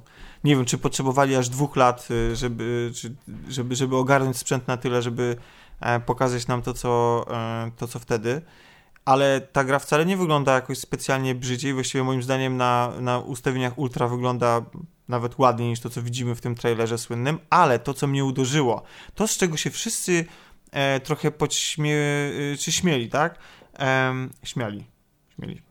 Śmiali. E, śmiali. śmiali, śmiali. E, czyli te takie wyreżyserowane gadki, że e, przecież nikt tak nie rozmawia, jak gramy w, w gry e, multiplayer. Bo nie rozmawia. No wiesz co, to nie jest tak do końca. Właściwie, prawdę mówiąc, jak przechodzisz e, pierwszy raz jakąś misję mm, czy nawet drugi, czy nawet przychodzisz ją z, z kimś, kto jest o kilka poziomów niżej od ciebie, to właściwie te gadki może aż tak, tak może ładnie i nie, no gładko wiadomo, nie wyglądają. One są mega, ale... mega, wiesz. Tak, typu, ale, ale... Wiecie co, ja będę mówię, z atmosfera... czekać z tyłu, a ty i No nie, no Dobra, tak, będę cię osłaniał. Co? Jesteś gotowy? Tak, no to na trzy. No dobra, no wiadomo, bo wiadomo, no dobra, że, ale to że, kurwa, no tak, no, wiadomo, że, to... że, ale wrzuć właśnie do tego więcej kurew, wrzuć do tego więcej błędów językowych, I właściwie masz e, i właściwie masz to samo, bo te, te atmosfera ale przechodzenia jest, ciężkich misji jest, jest bardzo podobna. Ale no. to, jest, to jest takie, tak samo jak śmianie się z tych y, wesołych, szczęśliwych rodzin, które na reklamie skaczą przed Kinectem. Jest mama, tata, wszyscy są uśmiechnięci tak, że im już prawie skóra pęka na ustach.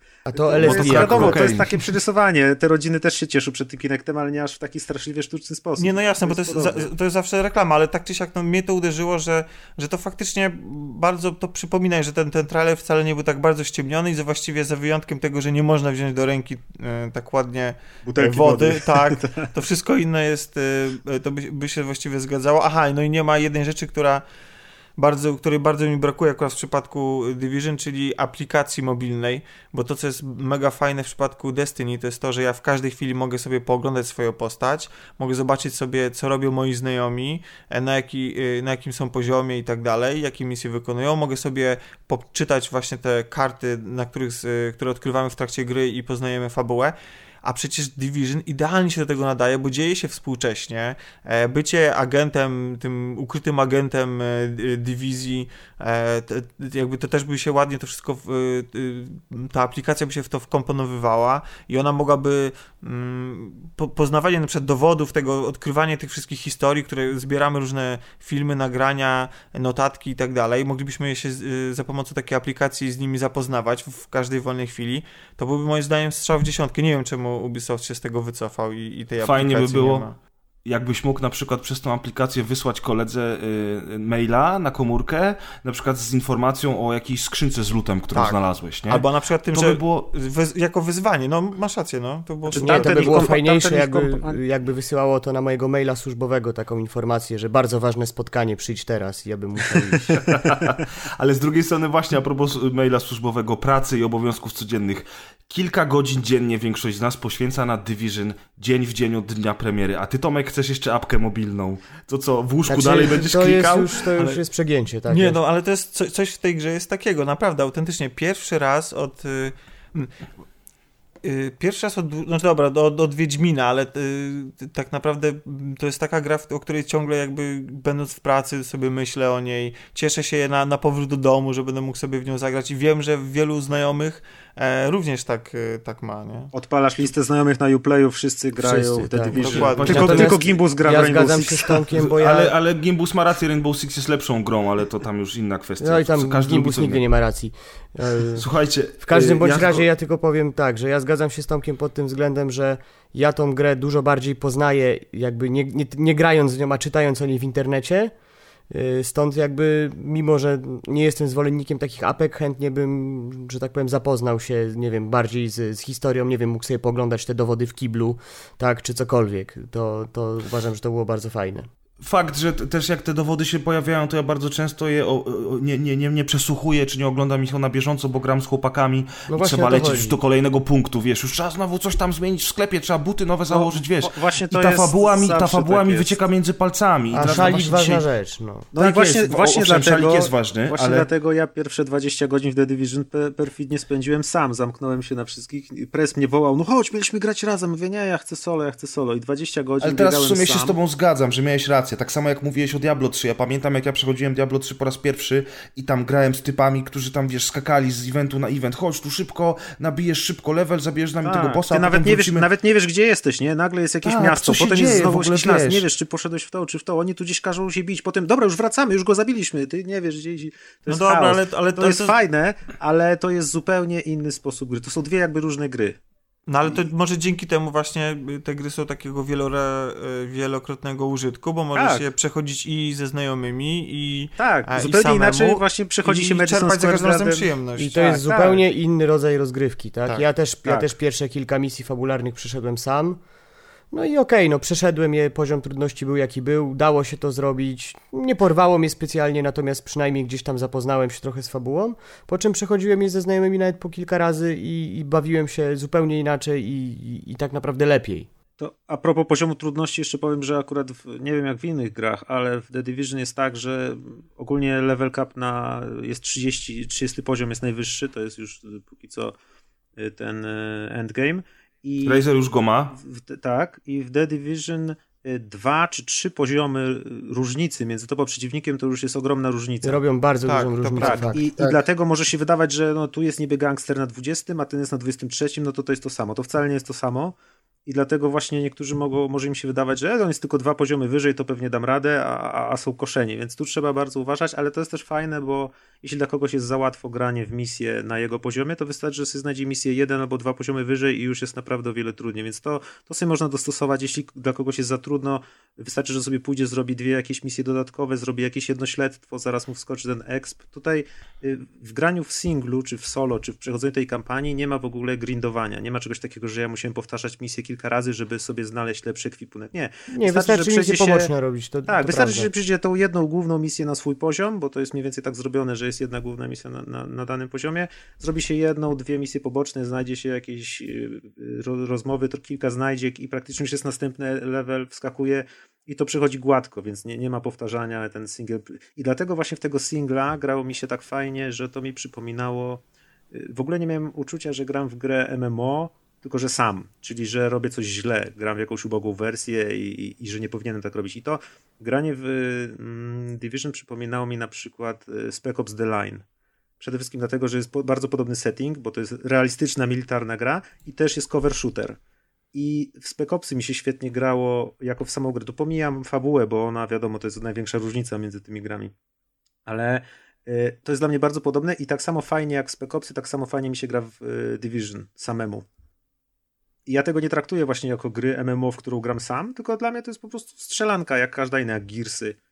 W Gearsy też można niby grać y, w kampanię w koopie, a można grać samemu. I nikt nie mówi, że e, samemu to słaba historia i nudy to tylko do koopa. Wcale nie. Masz rację, ja na przykład chyba popełniłem błąd, że zacząłem grać w Division od razu z ludźmi.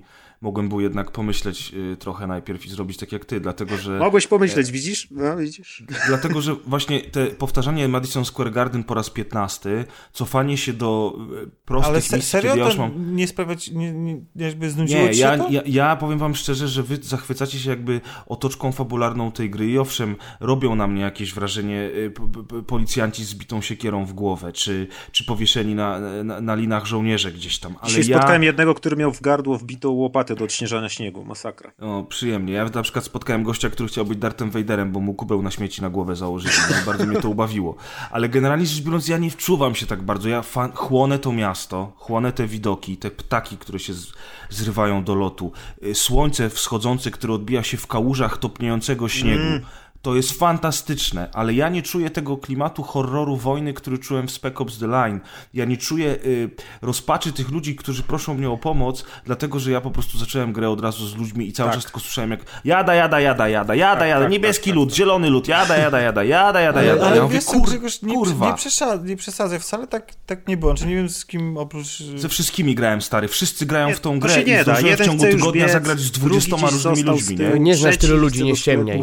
No Y, dobra, W każdym trzema. bądź razie, y, No więc właśnie. co chciałem powiedzieć, Nie, wy- stary, grałem z dużą ilością ludzi i naprawdę tak jest z każdym, z każdym, kto gra w tę grę, poza Razerem. Y, Zga zgadzam się z tobą, przy czym y, ja też uważam, że to co mówisz, że nie czujesz trochę klimatu tego, tego ciężkiego i tak dalej. Wiesz co, wydaje mi się, że tak czy inaczej panuje troszeczkę w tej grze pewna znieczulica, tak? Ty jesteś jakimś gościem, na tej ulicy się no, sporo dzieje różnych dziwnych wydarzeń, no ale przechodzisz koło tego trochę obojętnie i wydaje mi się, że to też jest taki... Nie dajesz Starasz się... No, dam czasem komuś batona czy wodę, ale tak czy inaczej jakby starasz się izolować od tego trochę, co się dzieje dookoła. Znaczy, starasz no, się izolować, kiedy się nie zagłębiasz. A no bo, przykład... bo z drugiej strony, jakbyś się, jakbyś się przejmował całą tą e, beznadzieję tego miejsca, jako prawdziwy taki agent. się zabił. No, no właśnie, dokładnie, właśnie, właśnie to byś, to byś mówię, nie, nie, że... nie, mógł podejmować tych znaczy, z drugiej strony... Że to był akurat fajny zabieg po prostu ze strony dewelopera, tak no mówmy się, no nie wiem, chociażby liczba bezpańskich psów w tej grze, no to w normalnych okolicznościach zrobiłaby pewnie na nas jakieś wrażenie i E, byśmy zaczęli się zastanawiać, tak? No, A tutaj po prostu stos, no już mówię stosy ciał, tak, ale ci ludzie, którzy gdzieś tam o tego szczura walczą, tak, tego typu scenki, a tutaj no przechodzimy trochę na zasadzie, no okej, okay, no dzień jak co dzień. Czy też, znaczy... też jakby to otoczenie trochę nie reaguje na nas w odpowiedni znaczy, sposób. Bo my, znaczy... bo my też bo my nie jesteśmy tam po to, żeby zbierać e, te ciała z, z ulicy i tym ludziom rozdawać tą wodę. To tylko żeby tych ciał dostarczać. My, my, my, mamy zadanie swoje, jesteśmy wysłani w strefę wojny i my nie możemy każdemu pomagać, ani się przejmować każdym ciałem. Biegamy, widzimy to, co się dzieje dookoła, Otóż ale jednak to. mamy swoje zadanie i to właśnie, to, to mi w ogóle poza nie przeszkadza. Tym, poza tym to jest shoot and loot, więc no nie możemy się spodziewać od tego fabularnej głębi, w której ale... będziemy podejmować decyzje i wiesz, przenosić zwłoki ciał, czy pomagać tym ludziom. No, mnie, mnie, za to irytuje bardzo fakt, że jak na przykład dwójka ludzi się kłóci, jakiś facet szarpie babeczką i mówi do niej, oddawaj mi tą butelkę z wodą. Ona mówi, nie, to jest dla mojego dziecka, a on mówi, nie obchodzi mnie to, ja też chcę się napić. I ja mówię, o cholera, muszę ich rozdzielić, przecież on zaraz jej zrobi krzywdę. Ja do nich podchodzę, a oni się rozchodzą, jedno i drugie do mnie mówią, nic jeszcze nie zdążyłem zrobić, nawet nie podniosłem karabinu do góry. A oni do mnie mówią, myśleliśmy, że jesteście tu po to, żeby nam pomagać. Pff, I odchodzą. Ja wiem, o co w ogóle wam kurwa chodzi, ty? Ale pomogłeś, no nie, ma nie pomogłeś, widzisz. A jak miałem pomóc, jak oni nie, nie, nie pozwalają Nie wiem, zastanów pomóc? się. Ja jeszcze, jeszcze chciałem wrócić do tego, cały czas pamiętam... Ta gra to... zmusza do refleksji, miłość sugeruje. Dokładnie. Cały czas pamiętam trochę myśl, która mi przyszła do głowy, jak Paweł opowiadał o tym, y, jak tam są miejscówki zrobione i, i że ta gra jest w realistycznym settingu, y, takim, który my znamy, y, że jest osadzona i właśnie dzięki temu możemy jakby bardzo łatwo interpretować różne rzeczy. I y, to, że deweloperzy spędzili masę czasu na, na, na, budowaniu tego miasta i jest tam masę miejscówek, które są w ogóle nieważne, które są za czterema zakrętami, jest jakiś korytarz i jakiś budynek i tam nie ma nawet przeciwników, ale możemy tam pójść i tam jest wszystko dokładnie poukładane. I, I, znajdują się tam rzeczy, które właśnie możemy interpretować, gdzie na przykład znajdujesz nagle jakieś pomieszczenie, gdzie widzisz jakieś ciało leżące i, i zaczynasz widzieć jakieś elementy, które ci się układają w historię, że na przykład tutaj ktoś był, bo jest jakiś plecak, są zgromadzone jakieś rzeczy, ale widzisz na przykład krew, czyli ktoś prawdopodobnie tu przyszedł i go tam zabił i mu zabrał rzeczy, coś.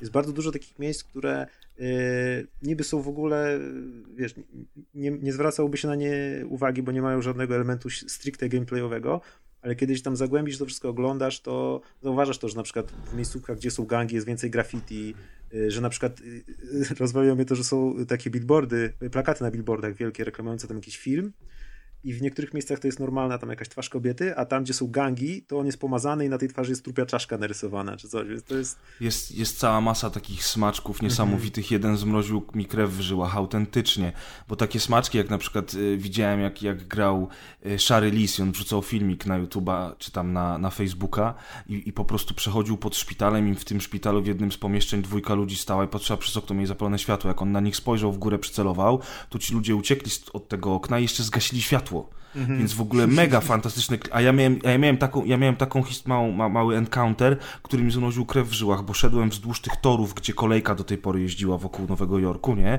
Więc jest ta kładka dla pieszych, ale to idzie przy samych blokach. Więc na wysokości trzeciego piętra ja jestem praktycznie na, wyciągnię, na wyciągnięcie ręki od tego okna z trzeciego piętra i tam się pali światło, okno jest uchylone i widać 15 metrów przede mną chodzą już gangsterzy. I w tym oknie nie widzę jej, ale jest kobieta, która mówi do swojego małego dziecka cicho, cicho, jakby spróbuje je uspokajać i zaczyna śpiewać w ogóle Girl from the no North County Boba Dylana, jedną z moich najukochańszych piosenek na świecie. I ona zaczyna ją nucić temu dziecku i co chwilę jakby przerywa to śpiewanie i mówi spokojnie, spokojnie. Tylko to dziecko ani razu nie płacze. I ja wiem, że to dziecko jest martwe, a ta laska prawdopodobnie zwariowała i ona o śpiewa Boże. temu dziecku, rozumiesz, y, kołysankę Boba Może Dylana. Dźwięk załadował po prostu płaczu dziecka. Ale to było niesamowite, to było niesamowite, ile tam jest takich małych smaczków. A teraz zadam wam pytanie, bo w grze oprócz tych wszystkich rzeczy występują też postaci. Wymieńcie chociaż jedno imię i nazwisko. Nie ma bata. Jeden typ Agentka wygląda jak Aiden Pierce.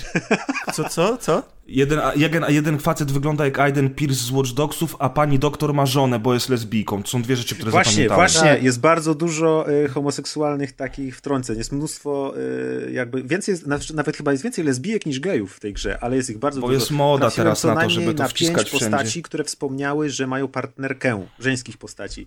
I ja się nie obrażam na to i nie czuję się, że jestem tutaj, wiesz, indoktrynacja jakaś homoseksualna, ale, no, ale jednak to odczułem bardziej niż w jakiejkolwiek grze. W, w innych grach tam raz ktoś wspomni, będzie jakiś taki y, jedno miejsce, a tutaj wyraźnie trafiłem kilka takich wspomnień, że albo jakiś list pisze dziewczyna i coś tam, coś tam i na końcu jest, że do jakiejś dziewczyny pisze, a, a cały list był taki miłosny, więc kurde, trochę tam coś tam, ten, tam może w tym Massive jest mieszane towarzystwo deweloperów. Nie no, od, od początku Ubisoft przy Asasynach już mówił, że to są ludzie różnych kultur no i tak. różnych wyznań, nie? Więc jakby idąc dalej za ciosem, to jest bardzo fajne, że oni to propagują, ale niestety z drugiej strony ja zauważyłem, że w popkulturze w ogóle jest teraz moda na promocję homoseksualizmu czy LGBT w ogóle. No jak, tak jak mówisz, jak co czwarta, czy tam co trzecia postać w grze mówi ci o swojej żonie, no to, to okej, okay, fajnie, ale I don't give a shit, tak? Ja tu przyszedłem strzelać do bandziorów, a nie, a nie uczyć ale się tolerancji. To może jakby zostawiając te, y, ten temat i wracając do, do samego y, Division, czyli można założyć w sumie, że głównym bohaterem całego, całej tej gry jest y, miasto. W swojej masie, czyli jakby poszczególne drobne historie tragiczne poszczególnych ludzi, te sytuacje, które się znajduje na ulicach, e, spotykamy różne, różne sytuacje i w różnych sytuacjach się znajdujemy, że to one są właściwie y, bohater, bohaterami, że to przez właśnie za pomocą takiej narracji jest nam opowiadana jakaś tam historia, a nie za pomocą takiej tradycyjnej. I teraz, znaczy, no, i teraz gdyby, jest, no. Gdyby, nie, gdyby to wszystko działo się w oprawie Destiny, to ja bym w ogóle w to nie grał na przykład. Nie, nie, nie, jasne, o setting, tak, ale, chodzi o setting ale, science fiction, ale tak? pomijając, no na przykład. Pomijając sam setting, chodzi mi tylko o to, że te gry pozornie y, będąc wykastrowane, y, wykastrowanymi z różnych elementów, to o czym wcześniej powiedziałem na początku, że, że to są niby RPG, ale tak naprawdę pozbawione bardzo wielu rzeczy, y, które można spotkać w tradycyjnych RPG, to tak naprawdę pozornie są tylko wykastrowane, bo oferują coś, znaczy oferują prawie to samo, tylko tyle, że w inny sposób. I że ta historia tam jest, ale przez to, że te gry są nastawione na to, że przechodzisz je wspólnie, przez to, że właśnie, że ludzie podczas tego przechodzenia wspólnego gadają o wszystkim, od lutu po, nie wiem, co ostatnio jedli na obiad i że muszę sobie iść zrobić herbatę, i, czy narzekanie na, na szefa w pracy, to nie masz y, możliwości doświadczenia, y, czy jakby bez sensu byłoby doświadczenie tego za pomocą y, typowych przerywników filmowych, tak? I te, te jakby lepszy, lepszy jest ten system znajdziek i system takiego odkrywania tych historii poprzez właśnie środowisko, bo z jednej strony ci te, mm, to nie przeszkadza, kiedy biegasz ze znajomymi, a z drugiej strony strasznie wkręca, i, i powoduje, że jeszcze bardziej w to wszystko wsiąkasz, kiedy grasz samemu. Więc... To, jest, to jest coś takiego, że jakby ta gra nigdy nie odbiera ci kontroli. Cały czas masz kontrolę nad swoim bohaterem. Mi tego trochę brakowało, ponieważ w takich typowych scenach przerywnikowych, kiedy nagle, nagle widzisz, że twój bohater coś robi, podbiega i tam tą swoją koleżankę y, transportuje czy coś, jest po prostu, nie wiem, dwie czy trzy nie przejmuj się, zawsze jak leci ta scenka, to Tomek gada, więc i tak nic nie tracisz. ale, ale mi, tego, mi tego właśnie trochę brakowało, że na przykład yy, te, znaczy jest tam trochę tych cutscenek, kiedy się kończy jakąś dużą misję fabularną, to, to tam kilka jest, ale mi tego brakowało, żeby gdzieś na przykład, kiedy na przykład, nie wiem, chociażby w tych znajdźkach znajduje jakiś ślad agenta, żeby jednak ta kamera pokazała z innego kąta perspektywy, gdzie ja tam sięgam, coś odgrzebuję, czy tam potem komuś podaję. Jednak to właśnie ten to, co ty mówisz, że to jest to właśnie nastawione, żeby, żeby nie przeszkadzać graczowi w rozmowie o zupie, która dzisiaj będzie na obiad. I, i, Ale wiesz, z drugiej strony gra jakby dzięki temu jest no, bardziej uniwersalna, tak? No bo z jednej strony, jeśli chcesz poznawać tą fabułę, to wciąż masz taką możliwość, wciąż możesz się w to wkręcić, poznać te dowody, pooglądać te echa, czy tam posłuchać ich, a z drugiej strony jak chcesz tylko grać z kolegami, bo prawdę mówiąc masz wywalony na to, co się dzieje po Nowym Jorku, a wróciłeś po prostu do domu po pracy, chcesz wypić piwo i postrzelać, tak, to też masz taką możliwość i zakładam, że tak naprawdę i będąc jednym graczem i drugim będziesz się świetnie bawił. I może właśnie w tym tkwi sukces tych gier. To, że, że yy, oprócz, oprócz settingu i tak dalej, to to, że one są tak yy, uniwersalne, że z jednej strony właśnie E, pojedyn gracze pojedynczy coś w nich znajdą, a z drugiej strony oferują świetną zabawę dla, dla wspólnego biegania. No bo dla mnie Właśnie... na przykład ja, ja jestem jakby, ja uwielbiam historię w grach. Ja w ogóle nienawidzę grać dla samego grania.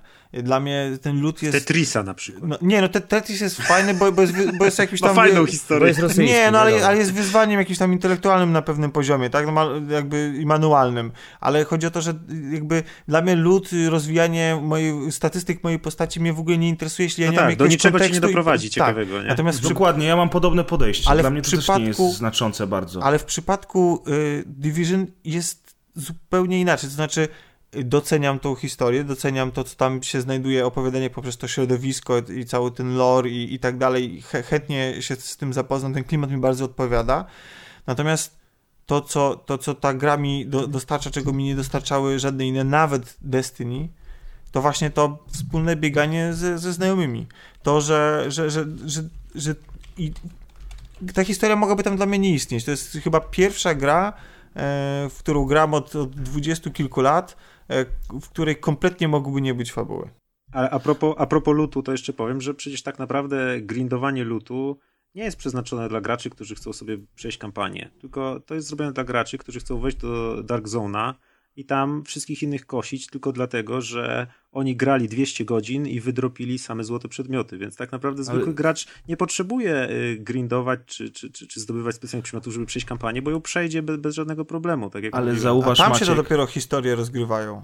Zauważcie, że generalnie rzecz biorąc, ten tak zwany zwykły gracz, o którym powiedział Maciek, czyli ten, który gra dla kampanii, przeszedł kampanię w Diablo i odłożył grę na półkę. Przeszedł kampanię, nazwijmy to kampanią w Destiny i odłożył grę na półkę.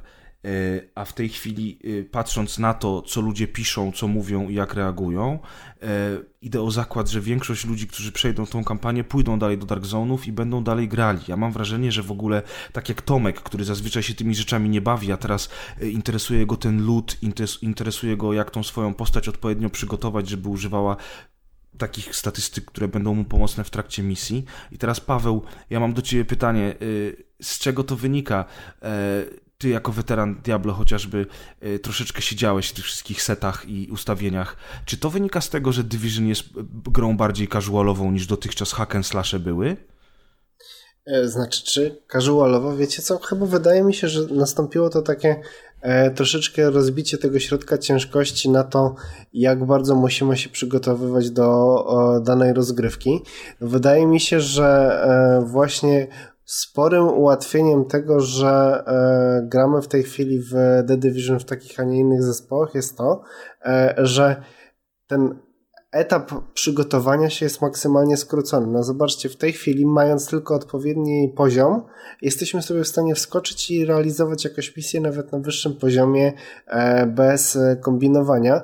Ja na przykład, jeżeli chodzi o Diablo e, 3 i te granie, nie wiem, chociażby jako levele hardkorowe, e, granie w te wszystkie sezony, też w pewnym momencie e, wymiękłem, e, bo jest tego za dużo. Ja oczywiście cały czas siedzę chociażby na grupach, które e, zajmują się Diablo 3, przeglądam jak ludzie rozmawiają sobie o setach, natomiast jest e, jakiś pewien abstrakcji, poziom abstrakcji, który ja jestem w stanie przyjąć i to jest na przykład, nie wiem, myślenie o tym, jak e, dobrać sobie set, żeby uzyskać określone współczynniki. I to jest super.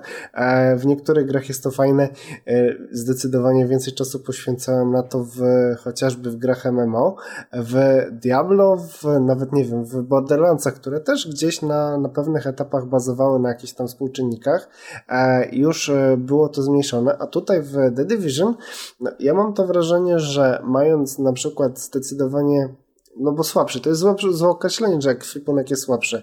E, nieco mniej e, w, wygrindowany ekwipunek, ja dalej jestem w stanie e, bawić się równie dobrze, co, co gracze, którzy, nie wiem, poświęcą e, e, kilkanaście wieczorów na to, żeby szykować się bardziej do rozgrywki. I tu zobaczcie, e, kwestia jest taka, to się gdzieś pojawiło wcześniej w naszej rozmowie, górny level, który możemy zdobyć jest level 30 i wydaje mi się, że gdzieś tam e, ten majstersztyk w ogóle stworzenia tego typu gry tkwi właśnie w fakcie, że e, zrobiono rozgrywkę, w ramach której możemy przebrnąć tę drogę od tego początku do 30 levelu właśnie grając solo. Jesteśmy sobie w stanie wykonać tę fabułę. E, no i tak jak wspomnieliście, niektórzy ludzie odłożą pudełko po prostu na półkę, zapomną o e, The Division, natomiast będą ludzie, którzy będą dalej kombinowali, co można zrobić, no i tutaj e, jakby to, co też e, już omawialiśmy wstępnie, czyli nie wydanie pełnej, kompletnej gry, tylko rozłożenie tego procesu na e, miesiące, to jest e, może to nie będzie po, popularna opinia, natomiast wydaje mi się, że to jest bardzo fajne zagranie. E, ja słuchajcie, i tak w, tym, w tej chwili, e, jako osoba, która mimo wszystko dość sporo czasu na The Division poświęca, e, mam tyle treści do poznania, tyle rzeczy do odkrycia, że ja absolutnie nie mam nic przeciwko temu, że e, nie wiem, gdzieś na jakimś etapie e, któryś z project managerów stwierdził, e, tego nie będziemy robili na premierę, mimo że zapowiadaliśmy, mimo że powinno być, dodamy to później. I nie widzę w tym jakby absolutnie nic złego. Chociażby rajdy, te rzeczy, które. Ja uważam wręcz, że to jest dobry zabieg, zgadzam się z Tobą. Ja, mhm. Mi się też to podoba. Poza tym ta gra mhm. dzięki temu będzie żyła. Wszyscy się zgadzamy. Tak, tak. tak. Nie, o, doskonale. Nie, czyli, je, czyli bardziej. Jeżeli część tego kontentu jest za free, to dla mnie jest okej, okay, bo i tak przecież to, to co powiedziałeś, to, to, co jest problemem na przykład Wiedźmina, gdzie z jednej strony jest super, to jest naprawdę bardzo fajne było, że dostaliśmy od razu e, od razu upakowaną, bardzo gęstą grę, ale ludzie często się od czegoś takiego też odbijają, bo widzą pierdyliard tak. znaczników, miliard misji do wykonania pobocznych i mówią, nie mam na to życia, nie? A uh -huh. e, tylko Jezu, teraz zostaniemy zbesztani za to, że chwalimy e, wydawców, że nam ograniczają gry, gry. Tak, że gry w odcinkach i że nam wycinają content, no, ale gdyby, gdyby w Division było 10 razy więcej tego wszystkiego na mapie, to ja pewnie też bym powiedział, no nie ma, nie ma szans, nie? A tak jakoś ale, odhaczam Ale i tak masz całą masę zapychaczy, które tak naprawdę... Jasne, to jest też jakby... to problem w ogóle Ubisoftu, nie?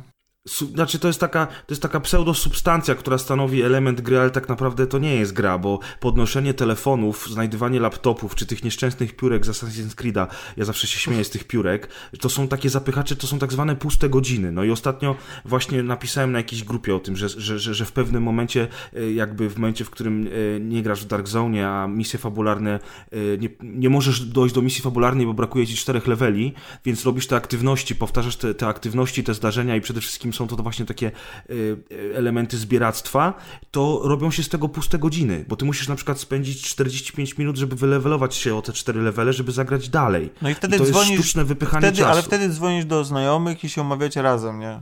Bo Oczywiście, wiesz, bo, bo ale... my, jesteśmy, my się rzuciliśmy na tą grę E, jak, jak, jak wygłodniali. Jesteśmy pierwszą falą The Division. Jak, jak, te, jak, jak, tak, jak, ci, jak ci, ci, którzy przetrwali tą y, apokalipsę i się biło o tego szczura na ulicy i rzuciliśmy się na tą grę i, i szarpiemy ją po kilka godzin y, po nocach, zarywając i, i noce i, i, i gdzieś tam odbija się to na naszym codziennym funkcjonowaniu ale generalnie wydaje mi się, że gracze tak, tak normalnie po prostu kupią i będą się bawić miesiącami, później do, dodane im zostanie, dodane zostają rajdy, gdzieś tam to się im być może kiedyś znudzi, więc być może kupią jakiś dodatek, być może nie. Ja tylko jeszcze chciałem y, powiedzieć, że taki mam breaking news, właśnie przeczytałem. Też chciałem o tym e, powiedzieć. O czym? O Japonii. Tak, dokładnie. Słuchajcie, gra w Japonii, znaczy Division pobiło w Japonii odświeżoną Zeldę na Wii U. Ja, I, I, to jest, jest, w tej chwili najlepiej sprzedającą się grą w Japonii. Tak, grała, sorry, Grzegorz, mieliśmy wszystko. w stolicy szybciej tą informację. Tak. Ale właśnie to jest fantastyczne. To chciałem powiedzieć. E, najlepiej sprzedająca się e, nowa gra AAA w historii, najlepiej sprzedająca się gra Ubisoftu, e, pierwszy raz rekord od 11 lat w Wielkiej Brytanii sprzedaży tam w ciągu pierwszego tygodnia i teraz jeszcze Japonia, w ogóle Japonia, tak odmienny kraj, jeżeli chodzi o gusta giereczkowe, e, tak bardzo inny, jeżeli chodzi o rodzaj gier, w jaki tam się gra. I jeszcze Division... pokonało The Division. Jeszcze Zeldę, wiesz, to jest, to jest po prostu ich dobro narodowe, nie? I teraz ja, ja, ja, ja, ja, ja mam po prostu ten mind blown z tego gifa. Wiesz, co się kurwa dzieje, ty? Wszyscy kupili The Division. Z czego to wynika? Wynika to z tego, że to jest dobra gra. Ale widzisz, tutaj się z tobą nie zgodzę. Ale nie, znaczy daj mi, daj mi tylko dokończyć zdanie. Chodzi mi o to, że ja dostałem Division i nagle okazało się, że dostałem grę tak naprawdę, na którą czekałem całe swoje życie, a nawet o tym nie wiedziałem. Hmm. Bo to było coś, co ja obejrzałem pierwszy trailer, stwierdziłem, okej, okay, fajne, podoba mi się, tak? Potem tak naprawdę po kolejnych trailerach i po kolejnych informacjach i po kolejnych dramach, że grafika, że to, że tamto, że ta gra w ogóle jest krapem, zupełnie w ogóle przestałem się tym interesować, po czym nagle zagrałem w drugą betę i mówię, o kurde, ja chcę w to grać. Mm. I nagle się okazuje, że w tej grze, okej, okay, tam sporo można dodać, sporo można zmienić, ale no, ja jestem naprawdę no, zafascynowany i zaszokowany, że taka gra powstała. Ja w ogóle byłem nastawiony na nie, bo y, na no ja wręcz na, też bym na, na review mi się podobało, tak. ale, potem, ale potem jak się dowiedziałem, że to jest po pierwsze always online, że to jest multiplayer, że tam się trzeba dropić i expić i jak jeszcze zobaczyłem, że... Że cyferki wypadają że tak, że w bandziora, w bluzie masakra. strzelasz cały magazynek, a z niego padają cyferki, to po prostu obśmiałem to i mówię, nie, przecież nie będę w to grać, jakie to jest głupie w ogóle. I tą betę odpaliłem tylko po to, żeby sobie poglądać grafikę. Tak, no ja miałem dokładnie tą samą wsiąk, historię. Wsiąkłem od razu.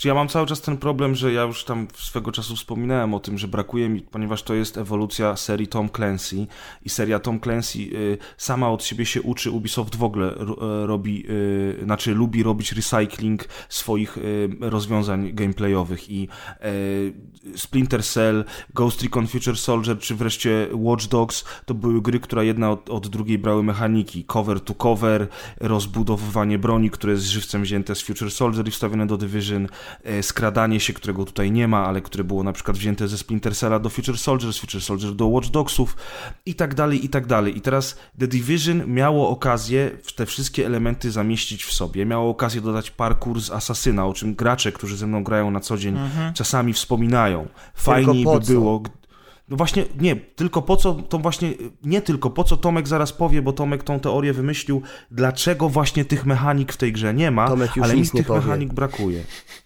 mi tych mechanik brakuje, ja bym bardzo chciał, żeby to gra była bardziej rozbudowana, ale zdaję sobie sprawę z tego, że gdyby była bardziej rozbudowana, to dużo ludzi by się od niej odbiło, bo to by było zbyt skomplikowane. Nie, to... I to jest to, co powiedziałem już, że to jest gra dosyć uproszczona względem poprzednich tego typu and shootów. Bo widzisz, bo to nazwisko Toma Clancy'ego jest doczepione dlatego, żeby sprzedać więcej kopii, ponieważ się będzie dobrze ludziom kojarzyć i gdzieś słyszałem gdzie jakąś opinię, mm. która jest całkiem trafna, że tak naprawdę to nazwisko, y, znaczy Toma, Tom Clancy jest w tej grze obecny, jeśli już tylko ze względu na fabułę, czyli na realistyczne zagrożenie terrorystyczne i militarną otoczkę. To, I to, tak naprawdę to, to nie do końca jest chyba prawda, bo, bo ja... Bo ludzie jak słyszą ja Tom Clancy, to właśnie myślą, że o, taktyczny shooter, a to nie jest taktyczny tak, shooter, ale... tylko to jest właśnie looter.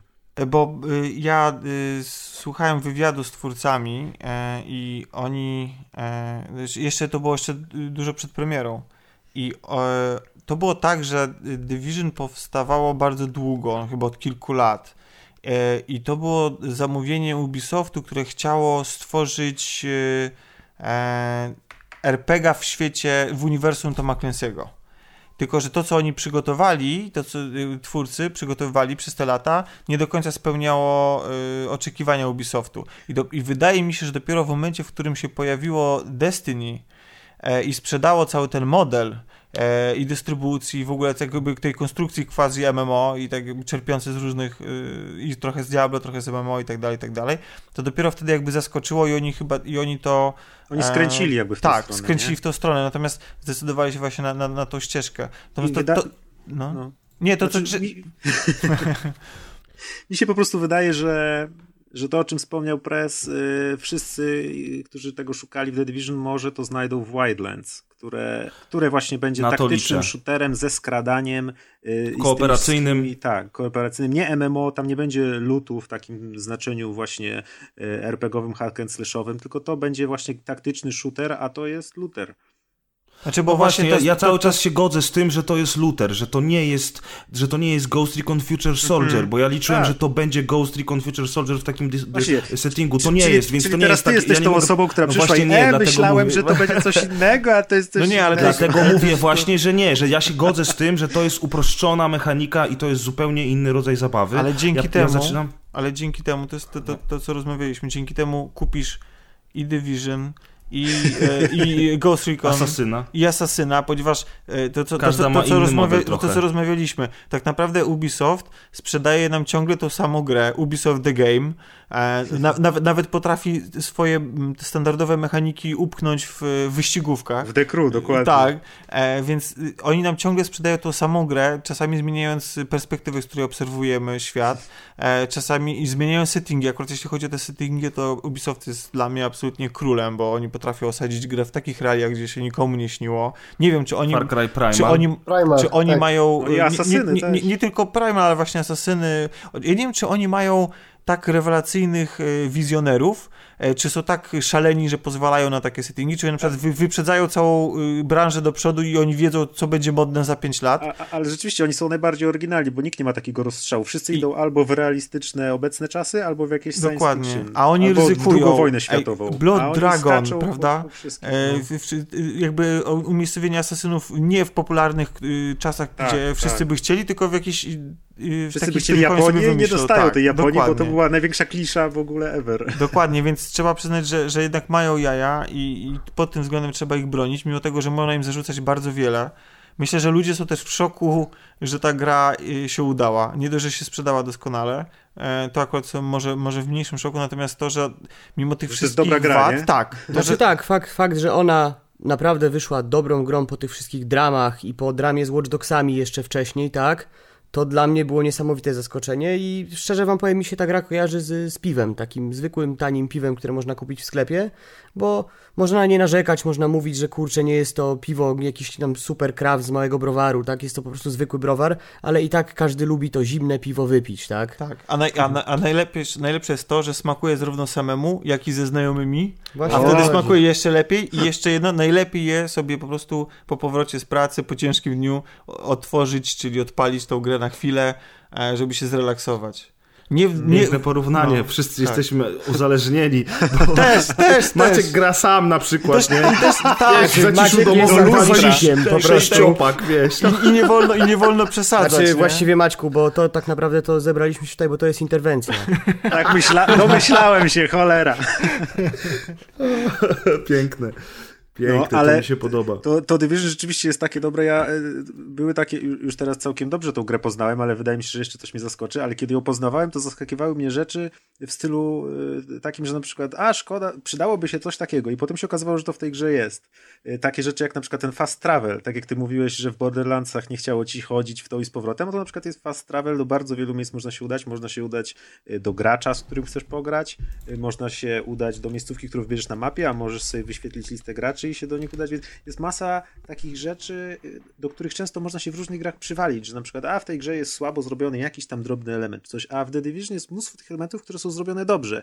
Znaczy w ogóle próg, Słuchajcie, próg bo wejścia w ogóle jest y, grę... dobrze zrobiony dla każdego gracza tak naprawdę. Mhm. Interfejs na przykład na początku wydawał mi się bardzo taki, mnóstwo tych okienek, jakichś cyferek, statystyk, ale potem się okazało, że to jest świetnie posegregowane w odpowiedni sposób. Ale zauważ, że tak naprawdę kilku... masz ukryte to co, to, co, w co nie musisz wnikać, tak naprawdę masz ukryte w postaci i właściwie to, jeśli nie chcesz, to w ogóle nie musisz tego czytać. Tak, też, też. A, a poza tym właśnie y, y, jest naprawdę bardzo mało rzeczy, które są zrobione źle albo których brakuje. I wydaje mi się, że te, co są zrobione źle, Y, będą tam ponaprawiane w paczach, jeśli oni chcą, żeby ta gra długo żyła, a te, co brakują, to są albo jakieś nieważne, bo też wydaje mi się, że to naprawią. To jest, jest, jestem właśnie zaskoczony tym, że jest tak mało rzeczy, do których można się przywalić y, z takich drobnych, z takich drobnych rzeczy, o których często się zapomina i one nie są dużymi przeszkodami, tylko tam takimi małymi, małymi jakimiś potknięciami. A tutaj one są, to, to jest właśnie, to był ten moment, kiedy ja do, doszedłem do wniosku, chyba wtedy, kiedy zobaczyłem, że jeśli na przykład strzelamy w jakieś metalowe powierzchnie typu płyty i wtedy na, z, z, jednej strony robi się dziura czy wgniecenie i z drugiej strony też się pojawia to wgniecenie. To był moment, kiedy y, byłem za jakąś płytą schowany, przeciwnicy do mnie strzelali, a po mojej stronie się pokazywały takie bąbelki od kul, nie? I wtedy stwierdziłem, że kurde, powstała gra, która jest ta, w takich szczegółach dopracowana, jak to Rockstar zawsze w GTA robił. I tak jak ludzie robili przy piątym GTA filmiki, gdzie jak się założyło klapki, to one inaczej chodziły niż buty i tam te wszystkie detale rockstarowe, to Division osiągnęło ten sam poziom przywiązania do detalu, który jest absolutnym mistrzostwem na całą w ogóle y, branżę gier dla mnie. A Paweł, Ale, co chciałeś powiedzieć? Znaczy tak, bo chciałem zwrócić się na, na jedną rzecz uwagę. Tak właśnie jeżeli chodzi o całą płaszczyznę technologiczną, zauważcie, że etapy tej zamkniętej bety, otwartej bety e, nie zmieniły wiele i tutaj jakby mój podstawowy szacunek dla twórców, e, wiele aspektów tej gry zostało bardzo wcześnie, bardzo dobrze przemyślanych. Jestem naprawdę e, pozytywnie zaskoczony tym, jak właśnie skoordynowano to wszystko, gdzie niby drobne mechanizmy, a jednak potrafią bardzo fajnie działać. I e, jedna moja bardzo szalona myśl, którą miałem też właśnie grając e, w The Division samodzielnie, e, jest taka, że ja kiedyś w przyszłości chciałbym zobaczyć właśnie e, w takiej formie gameplayu e, na przykład kolejnego Wiedźmina.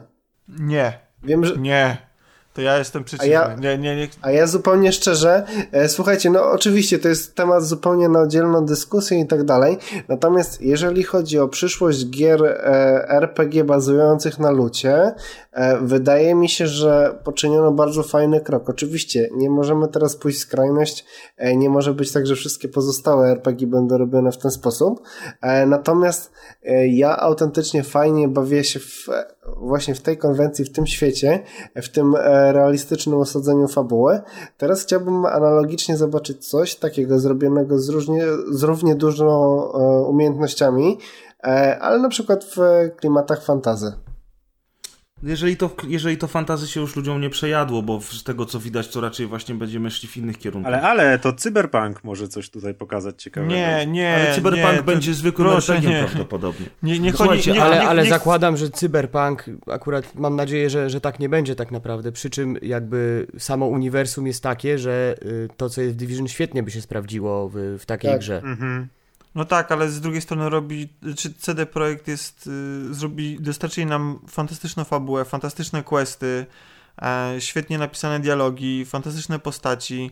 E, ja, jakby nie odbierajmy tego Nie, nie, nie, światu, broń Boże, tak? nie chcę tego Nie, odbierać. no ja się nie. zgadzam, bo ja chcę się wgryźć w tą fabułę, ja chcę to przeżywać i chcę poznawać tą historię. Natomiast wyobrażam sobie taką grę i uważam, że to też by była świetna zabawa. To teraz pytanie. Bo nie to, bo, przejmujcie się, bo, bo to też jest... Ubisoft dostarczy wam jeszcze 15 części The Division teraz, więc jeszcze będziecie tym żygać. E, i to, teraz, To tak jak po 15 browarach. To teraz mam jeszcze pytanie, czy, czy, czy, A, piękne. Co, Tomek, miał Tomek? pytanie. Nie wiem, właśnie tak, to takie piękne zamknięcie było, nie wiem, czy w w ogóle E, rozdrapywać. To, je- bo, bo, czy, jeszcze nie zamykamy, dlatego A. że jest jeszcze bardzo ważna kwestia, której żeśmy w ogóle nie poruszyli, a to jest najważniejsza kwestia w The Division. To jest dla What mnie najważniejsza kwestia ubranka. Tak, Dokładnie. absolutnie. To jest... Y, I powiem wam szczerze, ja gram w tą grę dla tych pierdolonych ubrań. No, Ja tam mogę, mo, ja tam mogę nie mieć broni, ja tam mogę rzucać kamieniami, ale ja tam muszę być dobrze ubrany. to, to ale ja mi, już, inaczej, mi już ja brakuje, mi już brakuje płaszczy, No właśnie o to kapeluszy, chodzi. okularów. A mi nie, a ja znalazłem już co chciałem. Moja postać wygląda dokładnie tak jak chciałem i strasznie mi się podoba to jak wygląda, jak się rusza. I dla mnie jakby gram w nią właśnie dlatego, że przyjemność mi sprawia postać, którą sobie wykreowałem, ale jeszcze tylko a propos tego szczegółowego świata, to jest y, e, to też jest uderzające, że oddali nam bardzo mało i do dyspozycji modeli postaci. Mhm. Tak. I to jest Straszne, to jest taki Tak. pierwszy zawód przy podpaleniu tej gry, po prostu. Zobaczyłem ile tego jest, pięć twarzy, y, czy tam coś i, i co? Tyle? Żarty Mm. są jakieś? i, To nawet, nawet do tej pory to był 50. mój największy zawód, tak naprawdę. Tak, ogromny i największy. Fakt, że macie rację, dużo ludzi mówi to samo, że skoro mam spędzić w tym świecie tyle czasu i mam się ubierać i, i, i, i z, razem z kolegami e, działać, to rzeczywiście fajnie by było, No. gdybym się wyróżniał z tego GTA tłumu. 5, nie? Come on, no. No właśnie, tam jest edytor i to działa, Okulary, wiesz. czapki, wszystko. Czy w GTA 5 to też w ogóle w GTA Online e, można całą masę strojów sobie tam przy, przywdziać. No, Znaczy wiecie, ja już, ja już w Division zacząłem zdejmować kurtkę, jak jest ładna pogoda na przykład. Ja też, O, ja też ściągam czuwa. kurtkę. Tak. Ja też na Tak. przykład, ja na przykład wolę biegać bez kurtki, ale jak, jak jest z kolei zamieć, śnieżyca, to, to wolę biegać w kurtce, bo dlatego, że tak jest fajniej. No i właśnie się zastanawiałem, jak graliśmy z Razerem i, i z Tomkiem, mówię, no skoro wszystkie ciuchy mam granatowe i tam y, mam do tego w ogóle zieloną apaszkę, no to ona nie pasuje, bo ten granat z zielenią to się Nie, gryzie, nie, to muszę Grzegorz, jeśli chodzi o apaszkę, to się sam zastanawiałeś, naprawdę. A jeszcze, a Ale jeszcze Arafatka mówię, jest super. ale nie, a jeszcze mówię, dobra Maciek ty, ale to chyba buty białe będą dobrze do tego Tak, wyglądać, tak, nie? pyta się mnie, ej, zobacz, pasują te białe buty? Chyba pasują, dobra, zostawiam, nie? Ale to Tak, jest, to jest, ale w ogóle- to jest super. niesamowite. Ale nie, tak Widziałem- naprawdę widziałem na ubrania przykład- w tej grze są oddane fantastycznie. Aha. I to, że na przykład można je zakładać niezależnie od tego, jaki się ma Tak. ekwipunek, to jest, to jest Tak. po prostu błogosławieństwo. Tak, że one nie wpływają na, na twój build, to, się zgadza, to tylko po z drugiej pierwsze, strony bo, będą bo nie ma, wpływać nie ma później. syndromu tego, co ja miałem w Diablo, czyli na przykład, że brzydka zbroja, ale ma lepsze stacje i Tak, muszę walczyć ze to. sobą i Mhm. ze swoją nerwicą, czy ją założyć, czy nie. To tu mogę to nosić niezależnie i to jest cudowne. A po drugie to, że mówię, te ciuchy mają różne kroje, różne faktury, różne kolory, że to są tak naprawdę ciuchy, które można iść i kupić w sklepie, tak? A teraz... Przecież ja w Dark Zone widziałem y, gang kolesi ubranych w zielone Właśnie- kurtki, niebieskie spodnie właśnie czerwone właśnie, czapki, nie? właśnie, I właśnie, czterech właśnie, takich samych biegło. Tak, właśnie chciałem to samo poruszyć, ten, ten temat, że ciekawe, kiedy ludzie zaczną e, się ubierać podobnie w, w drużynach i w ogóle gdyby oddali kiedyś e, w jakiejś tam aktualizacji taką możliwość, że sobie sam te ciuchy projektujesz. Wiesz, Albo chociaż logo na plecy, żeby No, walnąć, no, nie? no. Czy tam Znaczy, gdzieś na to, jest, to jest to, co mówiłem, jak y, się okaże i wcale mi się nie dziwił, jak się, jak nie wiem, Nike czy Adidas podpisze jakąś umowę z Ubisoftem i będą sprzedawali swoje brandowane ciuchy za pieniądze, to ja i tak to kupię. To ja mam, to ja mam To kolejną jest rak branży, ale ja to kupię. Ja mam a propos takich rzeczy, y, jeszcze jedno, jeszcze jedno że ym, te wszystkie emotikonki tańczenia i tak dalej, to jest dla mnie żenujące, ale w tej grze tak bardzo brakuje mi możliwości siadania, żeby usiąść gdzieś na, w krześle, w fotelu, tak jak w Skyrimach można było usiąść, albo chyba nawet w Wiedźminie też gdzieś tam. Ale tu pajacyki są świetnie zrobione. Ale jak No to, pajacyki, ja no ten pajacyk że, jest że, bez że, że sensu, animacje ale- tańczenia są, są żenujące. Tak naprawdę to jest... Y, y, ta gra dopiero I pa- a pokazuje... pajacyki też nie są żenujące? Ta gra dopiero... No nie są, bo są, wiesz, Są, jeżeli, są. jak Ja stoisz, ale jak, jesteś, ale jak jesteś Znaczy, we czwórkę... Grzegorz, pajacyki są Robicie takie sobie- żenujące, bo jesteś gruby. Buziaczki. Nie, ale słowo honoru, emotki to jest, to jest tak samo jak w tym, to jest tak samo jak w Destiny, gdzie tam sobie typy tańczą, jeszcze płat, płacą no. za to prawdziwe pieniądze, żeby móc Niektóre mieć inną emotki emotkę super. tańczenia. Tutaj emotka Albo wiesz, się na przykład jest Albo genialna, bo Właśnie, to było niesamowite w becie. Tak, tak. Tak, jak myśmy ręce, szli, do, ja żeby, żeby helikopter odebrał lód i patrzymy, że stoi, stoi trzech kolesi na tym lądowisku. Ja mówię, o cholera, chyba zaraz zacznie się akcja. A ty podniósł ręce do góry i pokazuje, że wszystko jest spoko. I myśmy do nich podeszli i żeśmy wszyscy razem odstawili ten lód, helikopter odleciał, wszyscy się rozeszli w swoje strony. Nothing to see here. I mi teraz to tak było brakuje świetne. właśnie y, to, żeby można było sobie, tak jak Tomek mówi, że uwielbia w tej grze chodzić i rozmawiać. To teraz wyobraźcie sobie, że możecie sobie na przykład usiąść na schodach i że jest taka akcja, że sobie siadasz na schodach i sobie siedzisz. Jaki to byłby klimat, kiedy A mijasz ponieważ jakąś to a tam siedzą kolesie w Dark Zone na przykład i sobie gadają na schodach, nie? Tak, Albo i jest możesz sobie ściany, kupić jeszcze albo, albo kawę. w, Albo siedzisz browar wypić. Tak, no i sobie wiesz, są lokacje, Jork, nie? są, Ale wiecie, to byśmy są- zrobili z tego Second Life, tak, za chwilę. No, No właśnie. bez przesady, ale chociaż Byśmy się trochę łapali jest, za są ręce na tych lokacje- schodach. i Można w sobie piątki przybijać, jak się odpowiednio ustawisz, nie? Ale są takie Ja bym się lokacje... nie łapał za ręce, bo jestem za gruby, żeby wejść na schody na górę. Ja bym na dole czekał na was. na dole Jest lokacja czekał, w no. safe house, y, safe house w kinie. Jest normalne kino, siedzą tam NPC, kilku NPC-ów, oni tam płaczą, nie oglądają tego filmu czarno-białego, który leci, ale jak ja wszedłem do tego kina, pierwsza rzecz, pomyślałem, kurde, chciałbym usiąść w tym fotelu i posiedzieć chwilę.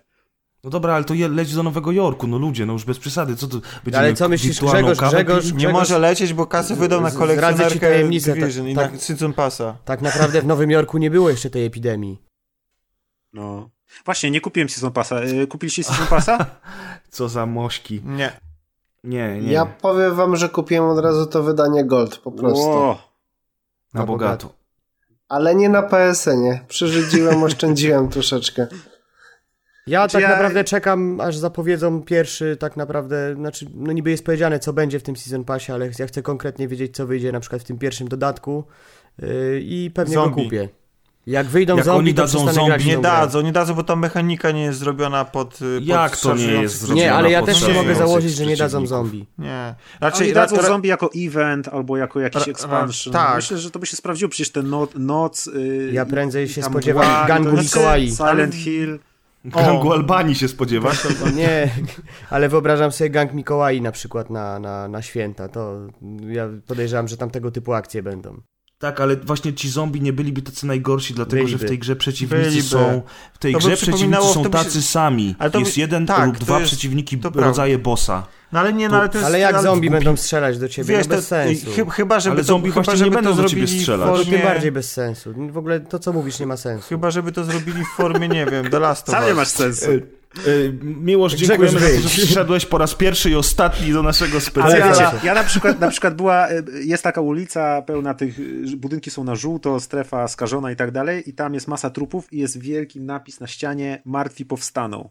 The dead will arise, czy coś. Ja to zobaczyłem i sobie pomyślałem, o kurna, jak wy mi teraz zapowiadacie, tutaj oczko puszczacie, że za rok na przykład będzie jakiś expansion, gdzie będzie na przykład jedna strefa, gdzie będzie, wiecie, to tak jak te tryby w Call of Duty, które są od czapy, ale jest Call of Duty zombie, nie? I nagle nie wiadomo, nic Ale bo, bo wszędzie Macie teraz musi być zombie, no to tak? może i dla mnie idealnie, jak patrzę na to nocne śnieżyce i, i te światła z lamp, to sobie myślę, The, The Division Zombie Edition po prostu. Błagam. Bierę w ciemno. Bierę w ciemno, jak będą zombie. Właśnie ten setting, o którym To mówi jest, i to Maciek. jest takie, to jest takie totalnie, wiesz, ja zapominam teraz, że to jest poważna gra ten. Ja chcę w fajnej grafice postrzelać do zombie. Jak mi dadzą oddzielny do tego jakiś tryb, to ja się nie obrażę na to.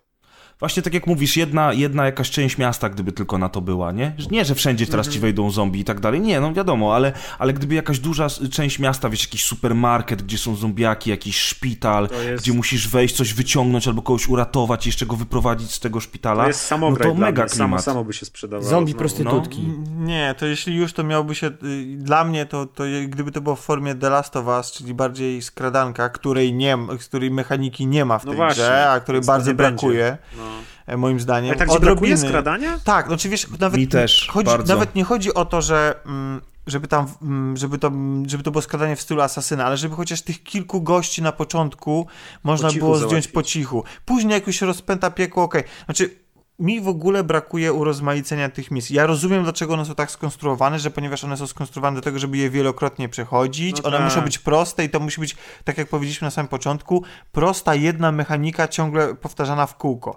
Ale Destiny pomo- y, przy pomocy tam mm, tych najbardziej rozbudowanych rajdów pokazało, że e, te misje mogą być powtarzalne, oparte na bardzo prostych y, mechanikach, a jednocześnie za każdym razem rozgrywać się trochę inaczej, zaskakiwać. I Ale to sam sobie E, odpowiedziałeś, Tylko, że rajdy. Destiny zauważ, że pokazało to tak naprawdę po roku od premiery. Właśnie. ale, znaczy, nie, nie, ale ja też, też się na tym zastanawiałem, ale moim zdaniem to nie jest żaden argument, dlatego że jakby wracając do tego, że Destiny zostało wydane w tak e, obrzydliwej, obrzydliwie wykastrowanej formie, że nie może być to żadnym usprawiedliwieniem dla żadnej innej gry. Znaczy, Mm. my, ja wiem, że to i tak będzie, że, że Destiny rozpoczęło ten, ten przykły, y, przykry, przykry rozdział w historii e, gier, ale to nadal jeszcze nie możemy, y, y, nie możemy tego puszczać płazem i musimy to piętnować i narzekać. Zgadzam się, chodzi Tomek, ale o przed to, że chwilą wszyscy się zgodziliście. Dochodzą nowe mechaniki właśnie w rajdach. Nie, nie, jasne, Przed ja chwilą wiem, wszyscy się zgodziliście, Znaczy, że to dobrze, że wszystkiego naraz nie dostaliście. A teraz mówisz, Tomek, że to jest jednak złe. No to, to jak nie, to nie, nie. jest? Ja tylko mówię, że porównywanie. y, no nie, wiesz, to jest zupełnie co innego. Chodzi mi o to, że jeżeli oni świadomie zapowiadają, że za miesiąc, czyli za miesiąc, nie za rok i nie w płatnym dodatku za 60 dolarów, tylko za miesiąc dodadzą ci te rajdy, jakoś tam, że to jest, że to jest wszystko opracowane, że oni że nie, nie wyrzucają ci tego od razu e, na hama, żebyś był zasypany tymi znacznikami i nie wiedział właściwie co, co robisz i nie opanował jednej mechaniki, jednej e, rodzaju misji i tak dalej, a, a już się brał za następną i, i we wszystkich się gubił, to to jest co innego niż to, jak zostało wydane Destiny, bo Destiny na opakowaniu ma napisane, że to jest e, e, Cinematic Experience. No sorry, ja, nie, ja zazwyczaj się No, tak nie to- wypowiadam, ale to jest gówno, a nie cin- Cinematic Experience, no naprawdę. Znaczy to, jest, to, jest, to, to Tetris jest większym Cinematic Experience, nie? No więc y, y, jakby to, to jest absolutnie, to była, to była kpina z y, kupujących i ta gra nie powinna nigdy nie zos- zostać wydana w takiej formie. No I, dla, I dlatego właśnie jakby moim zdaniem nie powinno się nigdy porównywać do, do Division, do Destiny, w sensie żadnej innej gry, bo, bo jak zaczniemy usprawiedliwiać braki w innych grach tym, że Destiny zostało tak wydane, no to równie dobrze już możemy To się... jest koniec świata. nie? Tak, to, to już jest to. To już wtedy, wtedy sam zacznę e, mówić o tym, że gry kiedyś były lepsze. Nie? Ale, a to już tak. E, ale ty, nie wiem co chciałem. A, już chciałem powiedzieć, że brakuje mi e, pewnego urozmaicenia i że właśnie to pokazało fajnie Destiny, że gdyby wprowadzono pewny, pewien element losowości, już ja nie mówię o tym, żeby te misje były jakoś bardzo rozbudowane i zaskakiwały twistami i, i żeby tam było masę rzeczy do, robio, do roboty innych niż podejść, naciśnij X czy tam kwadrat, i, a później wystrzelaj trzy, y, trzy fale wrogów no to jednak można wprowadzić pewien etap, y, pewnie, pewien element losowości, że właściwie za każdym razem ta misja troszeczkę inaczej przebiega i że trzeba szybko reagować i się zgrywać w grupie, tak? Że, Tak, że to trochę wymaga tego brakuje, tego, bo, tak. bo kiedy już z- zapamiętasz, że teraz zaraz wyjdą z tej windy, więc wszyscy się ustawiają i celują w windę i, i tak dalej, to no coś w tym jest, ale to wydaje mi się, że wiesz, to jest A jak się stoi w gry windzie, to do ciebie przeciwnicy jednak. nie strzelają. Ale wiesz, bo ja nawet, ja nawet sobie tak po cichu myślałem i zastanawiałem się, jak taka misja mogłaby przebiegać, nie? I sobie wymyśliłem taką historię, że na przykład jeden z e, przywódców e, tych czyścicieli na przykład e, jest taka informacja, że on na przykład chce zrezygnować z tego i zdradzić ich na przykład z jakiegoś powodu, nie? Mhm. E, I e, no i my na przykład podejmujemy się misji, musimy go odebrać, tak jakby zabezpieczać jego, jego przejście na naszą stronę. Ale w międzyczasie okazuje się, że ktoś tam z tej dywizji jakby pokpił sprawę i, i jego z kolei zdradził. I teraz my mamy określoną ilość czasu na to, żeby go przejąć, zanim dotrze do niego ta informacja, że on został podwójnie wykiwany. E, Się- i, I, wtedy, i, teraz, I teraz wyobraź sobie, tak, to jest ta sama, ta sama misja, masz dokładnie te same tak. elementy gameplayu, ale jeżeli na przykład nie zdążycie jako drużyna e, w, w 5 minut dotrzeć do niego i go przejąć, to on dostaje tą informację, że na przykład, nie wiem, że na przykład e, no, że coś tam, coś tam, tak? Ale Zaczyna uciekać na przykład. no nie gonisz. uciekać, nie, on przeciwko tobie się obraca. Hmm. Albo na przykład postanawia zdetonować ładunki. Rozumiesz? I to są takie, wiesz... Za mądre gry byś chciał robić. Ale wydaje Myślę, mi się, że, że musisz, rzeczy... musisz, się dogadać z Indoor Studios i sami tak. zrobicie taką wydaje grę. Wydaje mi się, bo... że część z tych rzeczy będzie w Wildlands właśnie. No to na tego. pewno, tylko że Wildlands, tak jak powiedziałeś, będzie zupełnie inne gaming experience, to będzie bliżej ale, Ghost Recon Future Soldier, Ale wciąż nie? to będzie militarne strzelanie z osłon, z jakimiś tam tymi. Ale ze skradaniem i z no, no właśnie, odpowiednią kooperacją, no ze I tam Tomek będzie miał te misje różne bardziej skomplikowane. Tak jest, nie? tak jest i mam nadzieję, że, że Wildlands się uda. Ja tak naprawdę czekałem na Wildlands. Y, y, Ubisoft pokazał te dwie gry, ja stwierdziłem Division MMO Blech, ja chcę grać w Wildlandsy, nie? A teraz już sam nie wiem, w jedno i drugie będę grać. Ale słuchajcie, właśnie odniosę, odniosę się do tego pytania. E, pomijając jakieś kwestie serwerowe, utrzymania tego i tak dalej, e, czy za 10 lat będziemy grali w Destiny i w The Division? No a, a czy, czy teraz obecnie grają ludzie w Diablo? Dwa. No właśnie do tego troszeczkę jakby piję. No bo... e, w sensie w tej skali e, przełożenia tego, jak e, mimo wszystko, jak mocno te gry w tej chwili uzależnione są od e, naszego e, współgrania z innymi, e, no czy, czy faktycznie spodziewamy się, że to będą takie klasyki jak te gry, do których się, teraz się na przykład Wiesz, wraca to też, też zależy tak naprawdę jak te gry się rozwiną, tak? Mhm. Bo wydaje mi się, że tak różnymi dodatkami, nowymi rajdami i tak dalej, sporo ta gra jest w stanie jeszcze zaoferować i, i tak naprawdę wszystko zależy od tego. Bo w takiej formie, jak ona jest teraz, no to szczerze, pewnie za dwa miesiące już, już nie będzie się chciało w to grać. No bo, bo słuchajcie, ja mam takie swoje pewne wyobrażenie o Destiny z kolei. To tam gdzieś też rzuciliśmy hasło rozpisane na 10 lat e, plan działań. Oczywiście to się bardzo mocno zmieniło. Natomiast ja, e, szczerze mówiąc, patrząc na to, ile czasu już poświęciłem na tę grę, e, mam gdzieś tam świadomość, że Destiny dostanie jeszcze jeden dodatek w tym roku, później na przyszły planowane jest Destiny 2. Ja zupełnie szczerze byłbym nawet mówiąc dość drastycznie za etapem, gdzie e, otrzymuję komunikat, że mogę swoją postać przenieść do Destiny 2 e, i jakby moja przygoda z pierwszą grą jest w pewien sposób zamknięta. Oczywiście to też e, kwestia jakichś tam dograń technicznych i tak dalej, e, ale ja jakoś nie wyobrażam sobie, że nie wiem, za 10 lat będę grał jeszcze w Destiny. Ale, ale zwróć uwagę, że Destiny 2 w tym przypadku byłoby tak naprawdę, wiesz... Yy tym samym tylko rozwinięciem tego pomysłu, tak, który był w Destiny -huh. 1. Diablo 2 było zupełnie czymś innym jednak niż jest Diablo 3. Znaczy, bo, ja, bo moje pytanie o to, czy ludzie grają nadal w Diablo 2 było trochę, miało być trochę przewrotem, to znaczy y, ja mi się wydaje, że wydanie łatki czy uzupełnienia, czy tam jak, jak, czegokolwiek do Diablo 2 w tej chwili, to jest tylko i wyłącznie zagrywka PR-owa, taka m, pokazująca społeczności i w ogóle światu, że patrzcie, my nawet po tylu latach dbamy o tą garstkę ludzi, która dostała przy tym tytule. No Tomek, bo... dużo ludzi gra nadal w Diablo No nie, no ale znaczy naprawdę... Nazwiska. No, ale... naprawdę dużo ludzi gra nadal w Diablo 2. Dużo ludzi gra jeszcze ale troszkę więcej 1. ludzi gra w The Division i w Destiny. Oczywiście, Troszeczkę. że tak, no ale taka jest kolej rzeczy, tak? Nie, no ale mówimy dobrze, o grach, które, mi się mówimy wydaje, o grach, prostu, które że... mają po 20 lat i ludzie dalej w nie grają. No tak, ale to już, to został, to już został osób. promil promila, nie? I dla nich No jest dobra, jeden tak samo serwer jak włączony. są ludzie, którzy w szachy grają, tak? No, zawsze Słuchaj, znajdą się ludzie, którzy Generalnie rzecz biorąc, są takie pozycje, do których ludzie wracają. Jak odkąd ja dzisiaj mówiłem Tomkowi, że jak gramy w y, Division i sobie rozmawiamy o tej grze i o innych tego typu grach, jak przygotowywaliśmy się do tego odcinka, to ja powiedziałem dzisiaj Tomkowi, mówię, stary, mam straszną ochotę wrócić do Destiny. Jak tylko skończę fabułę w Division, zostały mi dwie misje do końca, odstawiam tą grę i uderzam w Destiny, bo tam już doszło w międzyczasie parę nowych rzeczy, parę nowych rajdów, na pewno nowy lud się pojawił i tak dalej, i tak dalej. I wydaje mi się, że te gry to są gry tego typu, że będziemy do nich wracać i wracać i wracać. One w końcu nam się znudzą. Ale to są gry nastawione właśnie na to, żeby nie grać w nie non-stop, bo tak się przecież nie da przy zalewie y, tytułów, które wychodzą co miesiąc w dzisiejszych czasach. Ale na pewno to, y, jedno i drugie jeszcze przez co najmniej parę lat będzie funkcjono funkcjonować w, w świadomości graczy. No. Zgadzam się, dlatego bardzo podoba mi się to, jak niski powiedzmy jest ten próg wejścia y, do Division, bo nawet nie grając co 3 czy 4 miesiące, będziemy mogli to odpalić i wciąż będziemy pamiętać, jak w to się gra. Otóż to. Tak, to jest to chyba, chyba ten fajny aspekt, że e, faktycznie ten powrót nie będzie obłożony jakimś tam... Nie będziesz tak e... musiał się uczyć znowu mechaniki, pamiętać tak. co, jak, tylko po prostu pójdziesz, będziesz strzelał, gadał z kolegami, wciąż będzie super. Czyli to jest takie, y, taki pasjans dla hardkorowców.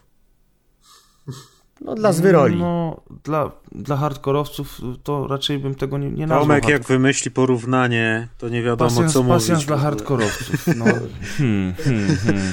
Wiesz, w pasjansa grasz w pojedynkę, nie? To już może nazwijmy to Texas Hold'em dla hardkorowców. Nie no, teraz to już No poleciałeś naprawdę. No. Poleciałem no, no znowu, dobra, to, Milo ci już całe to, to ja ci próbuję... wyschło mieszkaniu. To, to ja mam jeszcze jedno, jedno pytanie, ponieważ Destiny pokazało i teraz Division, że takie gry mają wzięcie i się doskonale sprzedają i mamy już e, dwie tego typu produkcje na rynku.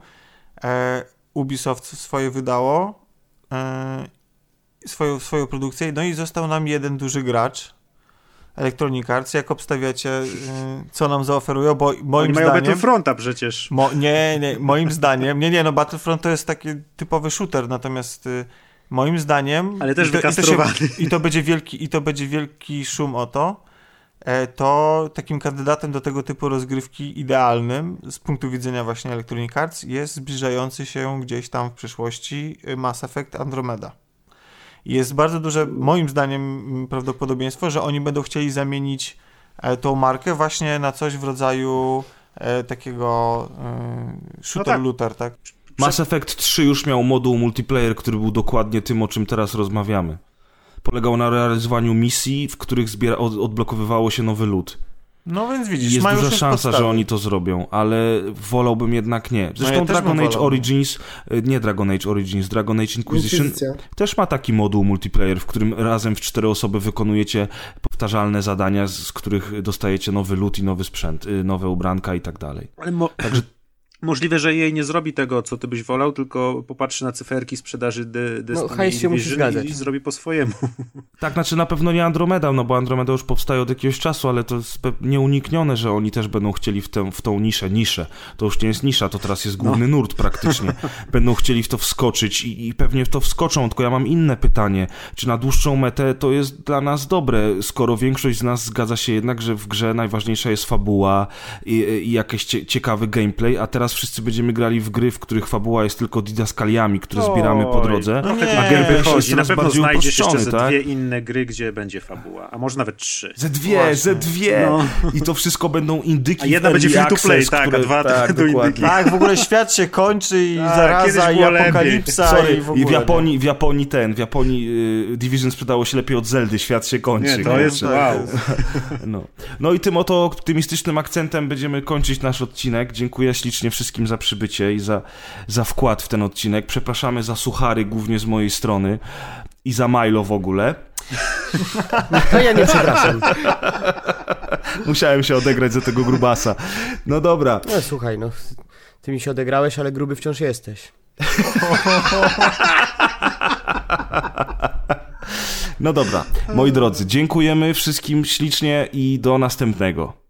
Dzięki, pa, cześć. Pa. Dzięki. Dzięki. It's up to you,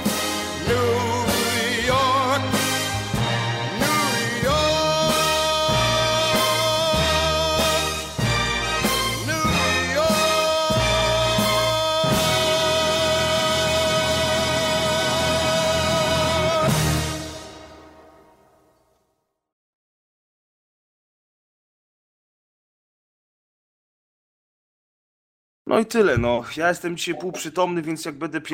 Maciek bez sensu, to przejmuj pałeczkę ode mnie, nie? nie, prostu... bo ja się wyłączam, ja się nie znam na niczym ja, To jest najlepszy będzie specjal w historii, nie? Tomek zrobił rozpiskę, z której nie powiedział nic. Nic. A mogę wam przeczytać, jest napisane Led Zeppelin, Frakcje, Fallen, Kabal, Titan, Hunter, bo Sparrow. Ja, bo ja, bo ja, nigdy, ja nigdy nie potrafię zapamiętać, wiesz, wiecie, nazw własnych. Nic z tego nie powiedział. Nic z tego nie powiedziałem. Nawet nie? słowo nie padło. Super. Y, y, Iron Banner, Trials of Osiris, no bo ja, wiecie... Tam, ja, ja tam napisałem, że to jest skandal, że ta gra została tak wydana. Że, że, że ja kocham tą grę i że to jest, to jest największy absurd, ja tego nie rozumiem. Jest, ona jest jak, jak heroina, nie? Z jednej strony jest, jest, jest zakałą k***a, społeczeństwa Dobrze, mam konsoli. i doprowadza nas do końca cywilizacji. Dobrze, że co? Dobrze, że co? że, że nie bierze heroiny. A ja ten, a nie, naprawdę, to jest... Ja muszę jeszcze nagrać To takie ten. Ja myślałem, ja Siema, że tu pres, e, gra jest chujowa, dobranoc.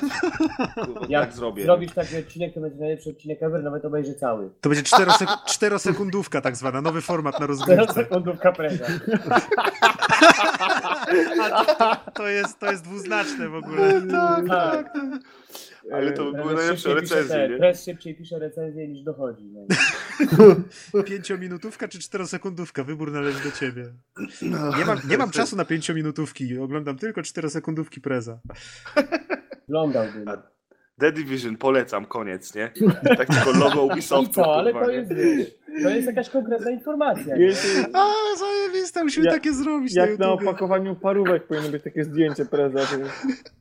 To proponuję, Z autografem takim ręcznym, nie? proponuję jako ten specjal wrzucić najpierw taki, wiesz, Tak. Division, polecamy. Do Tak. widzenia. Nie, Milo, podobało ci się? Tak, Tomek, tak, Razer, tak, Paweł, tak, dziękujemy. I, tak, i, i skala ocen y, poligamy, y, po poligami, nie? No i jak wam się podoba? Można, można, można. Całkiem spoko, spoko. E, tak, Ale w ten, sposób, w ten sposób byłby to nie tylko najszybszy podcast, ale też i najwięcej tów moglibyśmy za, za pomocą niego ocenić. nawet, No, nie? Ty wiesz, jaka Moglibyśmy- byłaby rozpiska? moglibyśmy codziennie specjal serwować, nie? tak. Nie, we wtorek 17 recenzji, w środę 23 i 4 opisy. Tak? A, O co chodzi opis, w The Division? O czapki i o strzelanie. Dziękuję. Czapki, Pres- czapki w Nowym Jorku. No, Pres No, robi, o, pres robi opis Wiedźmina. Cześć, tutaj opis Wiedźmina. Rób wszystko, co ci każą tam tipsy tak, nie, na ekranie. Tak, tak, właśnie, to chciałem właśnie powiedzieć, nie? Solucja, sol, Ludzie tu wszystko mówią w grze. so, solucja do współczesnych gier, nie? Idź za strzałką. Tak, I taką całą, całą serię, taką, nie? Solucja Wiedźmin 3, idź za strzałką. Solucja to, Division, idź za ja strzałką. mógłbym, ja mógłbym poradniki tak nagrywać, tak No. jak Anię uczyłem grać w Division. Strzelają do siebie, to ty strzelaj do nich. Tak, Dziękuję. Trener Jak on się świeci na nie? czerwono, to musisz Odpowiadaj ogniem. Tak. tak. Tak jak się omawialiśmy, będę przez resztę nocy czyścił tą moją ścieżkę z Milo. O ja, super. Z Milo ją wyczyścisz? Milo Nic po nim nie zostanie. Nic wiesz, po nim nie mają zostanie. szmatki, będą czyścić. To już mikrofon muszę wyczyścić jeszcze. Czterosekundówka Milo była. Była. Tomek powiedział, że to najlepsze 4 sekundy w jego życiu. Dwa centymetry ostrego.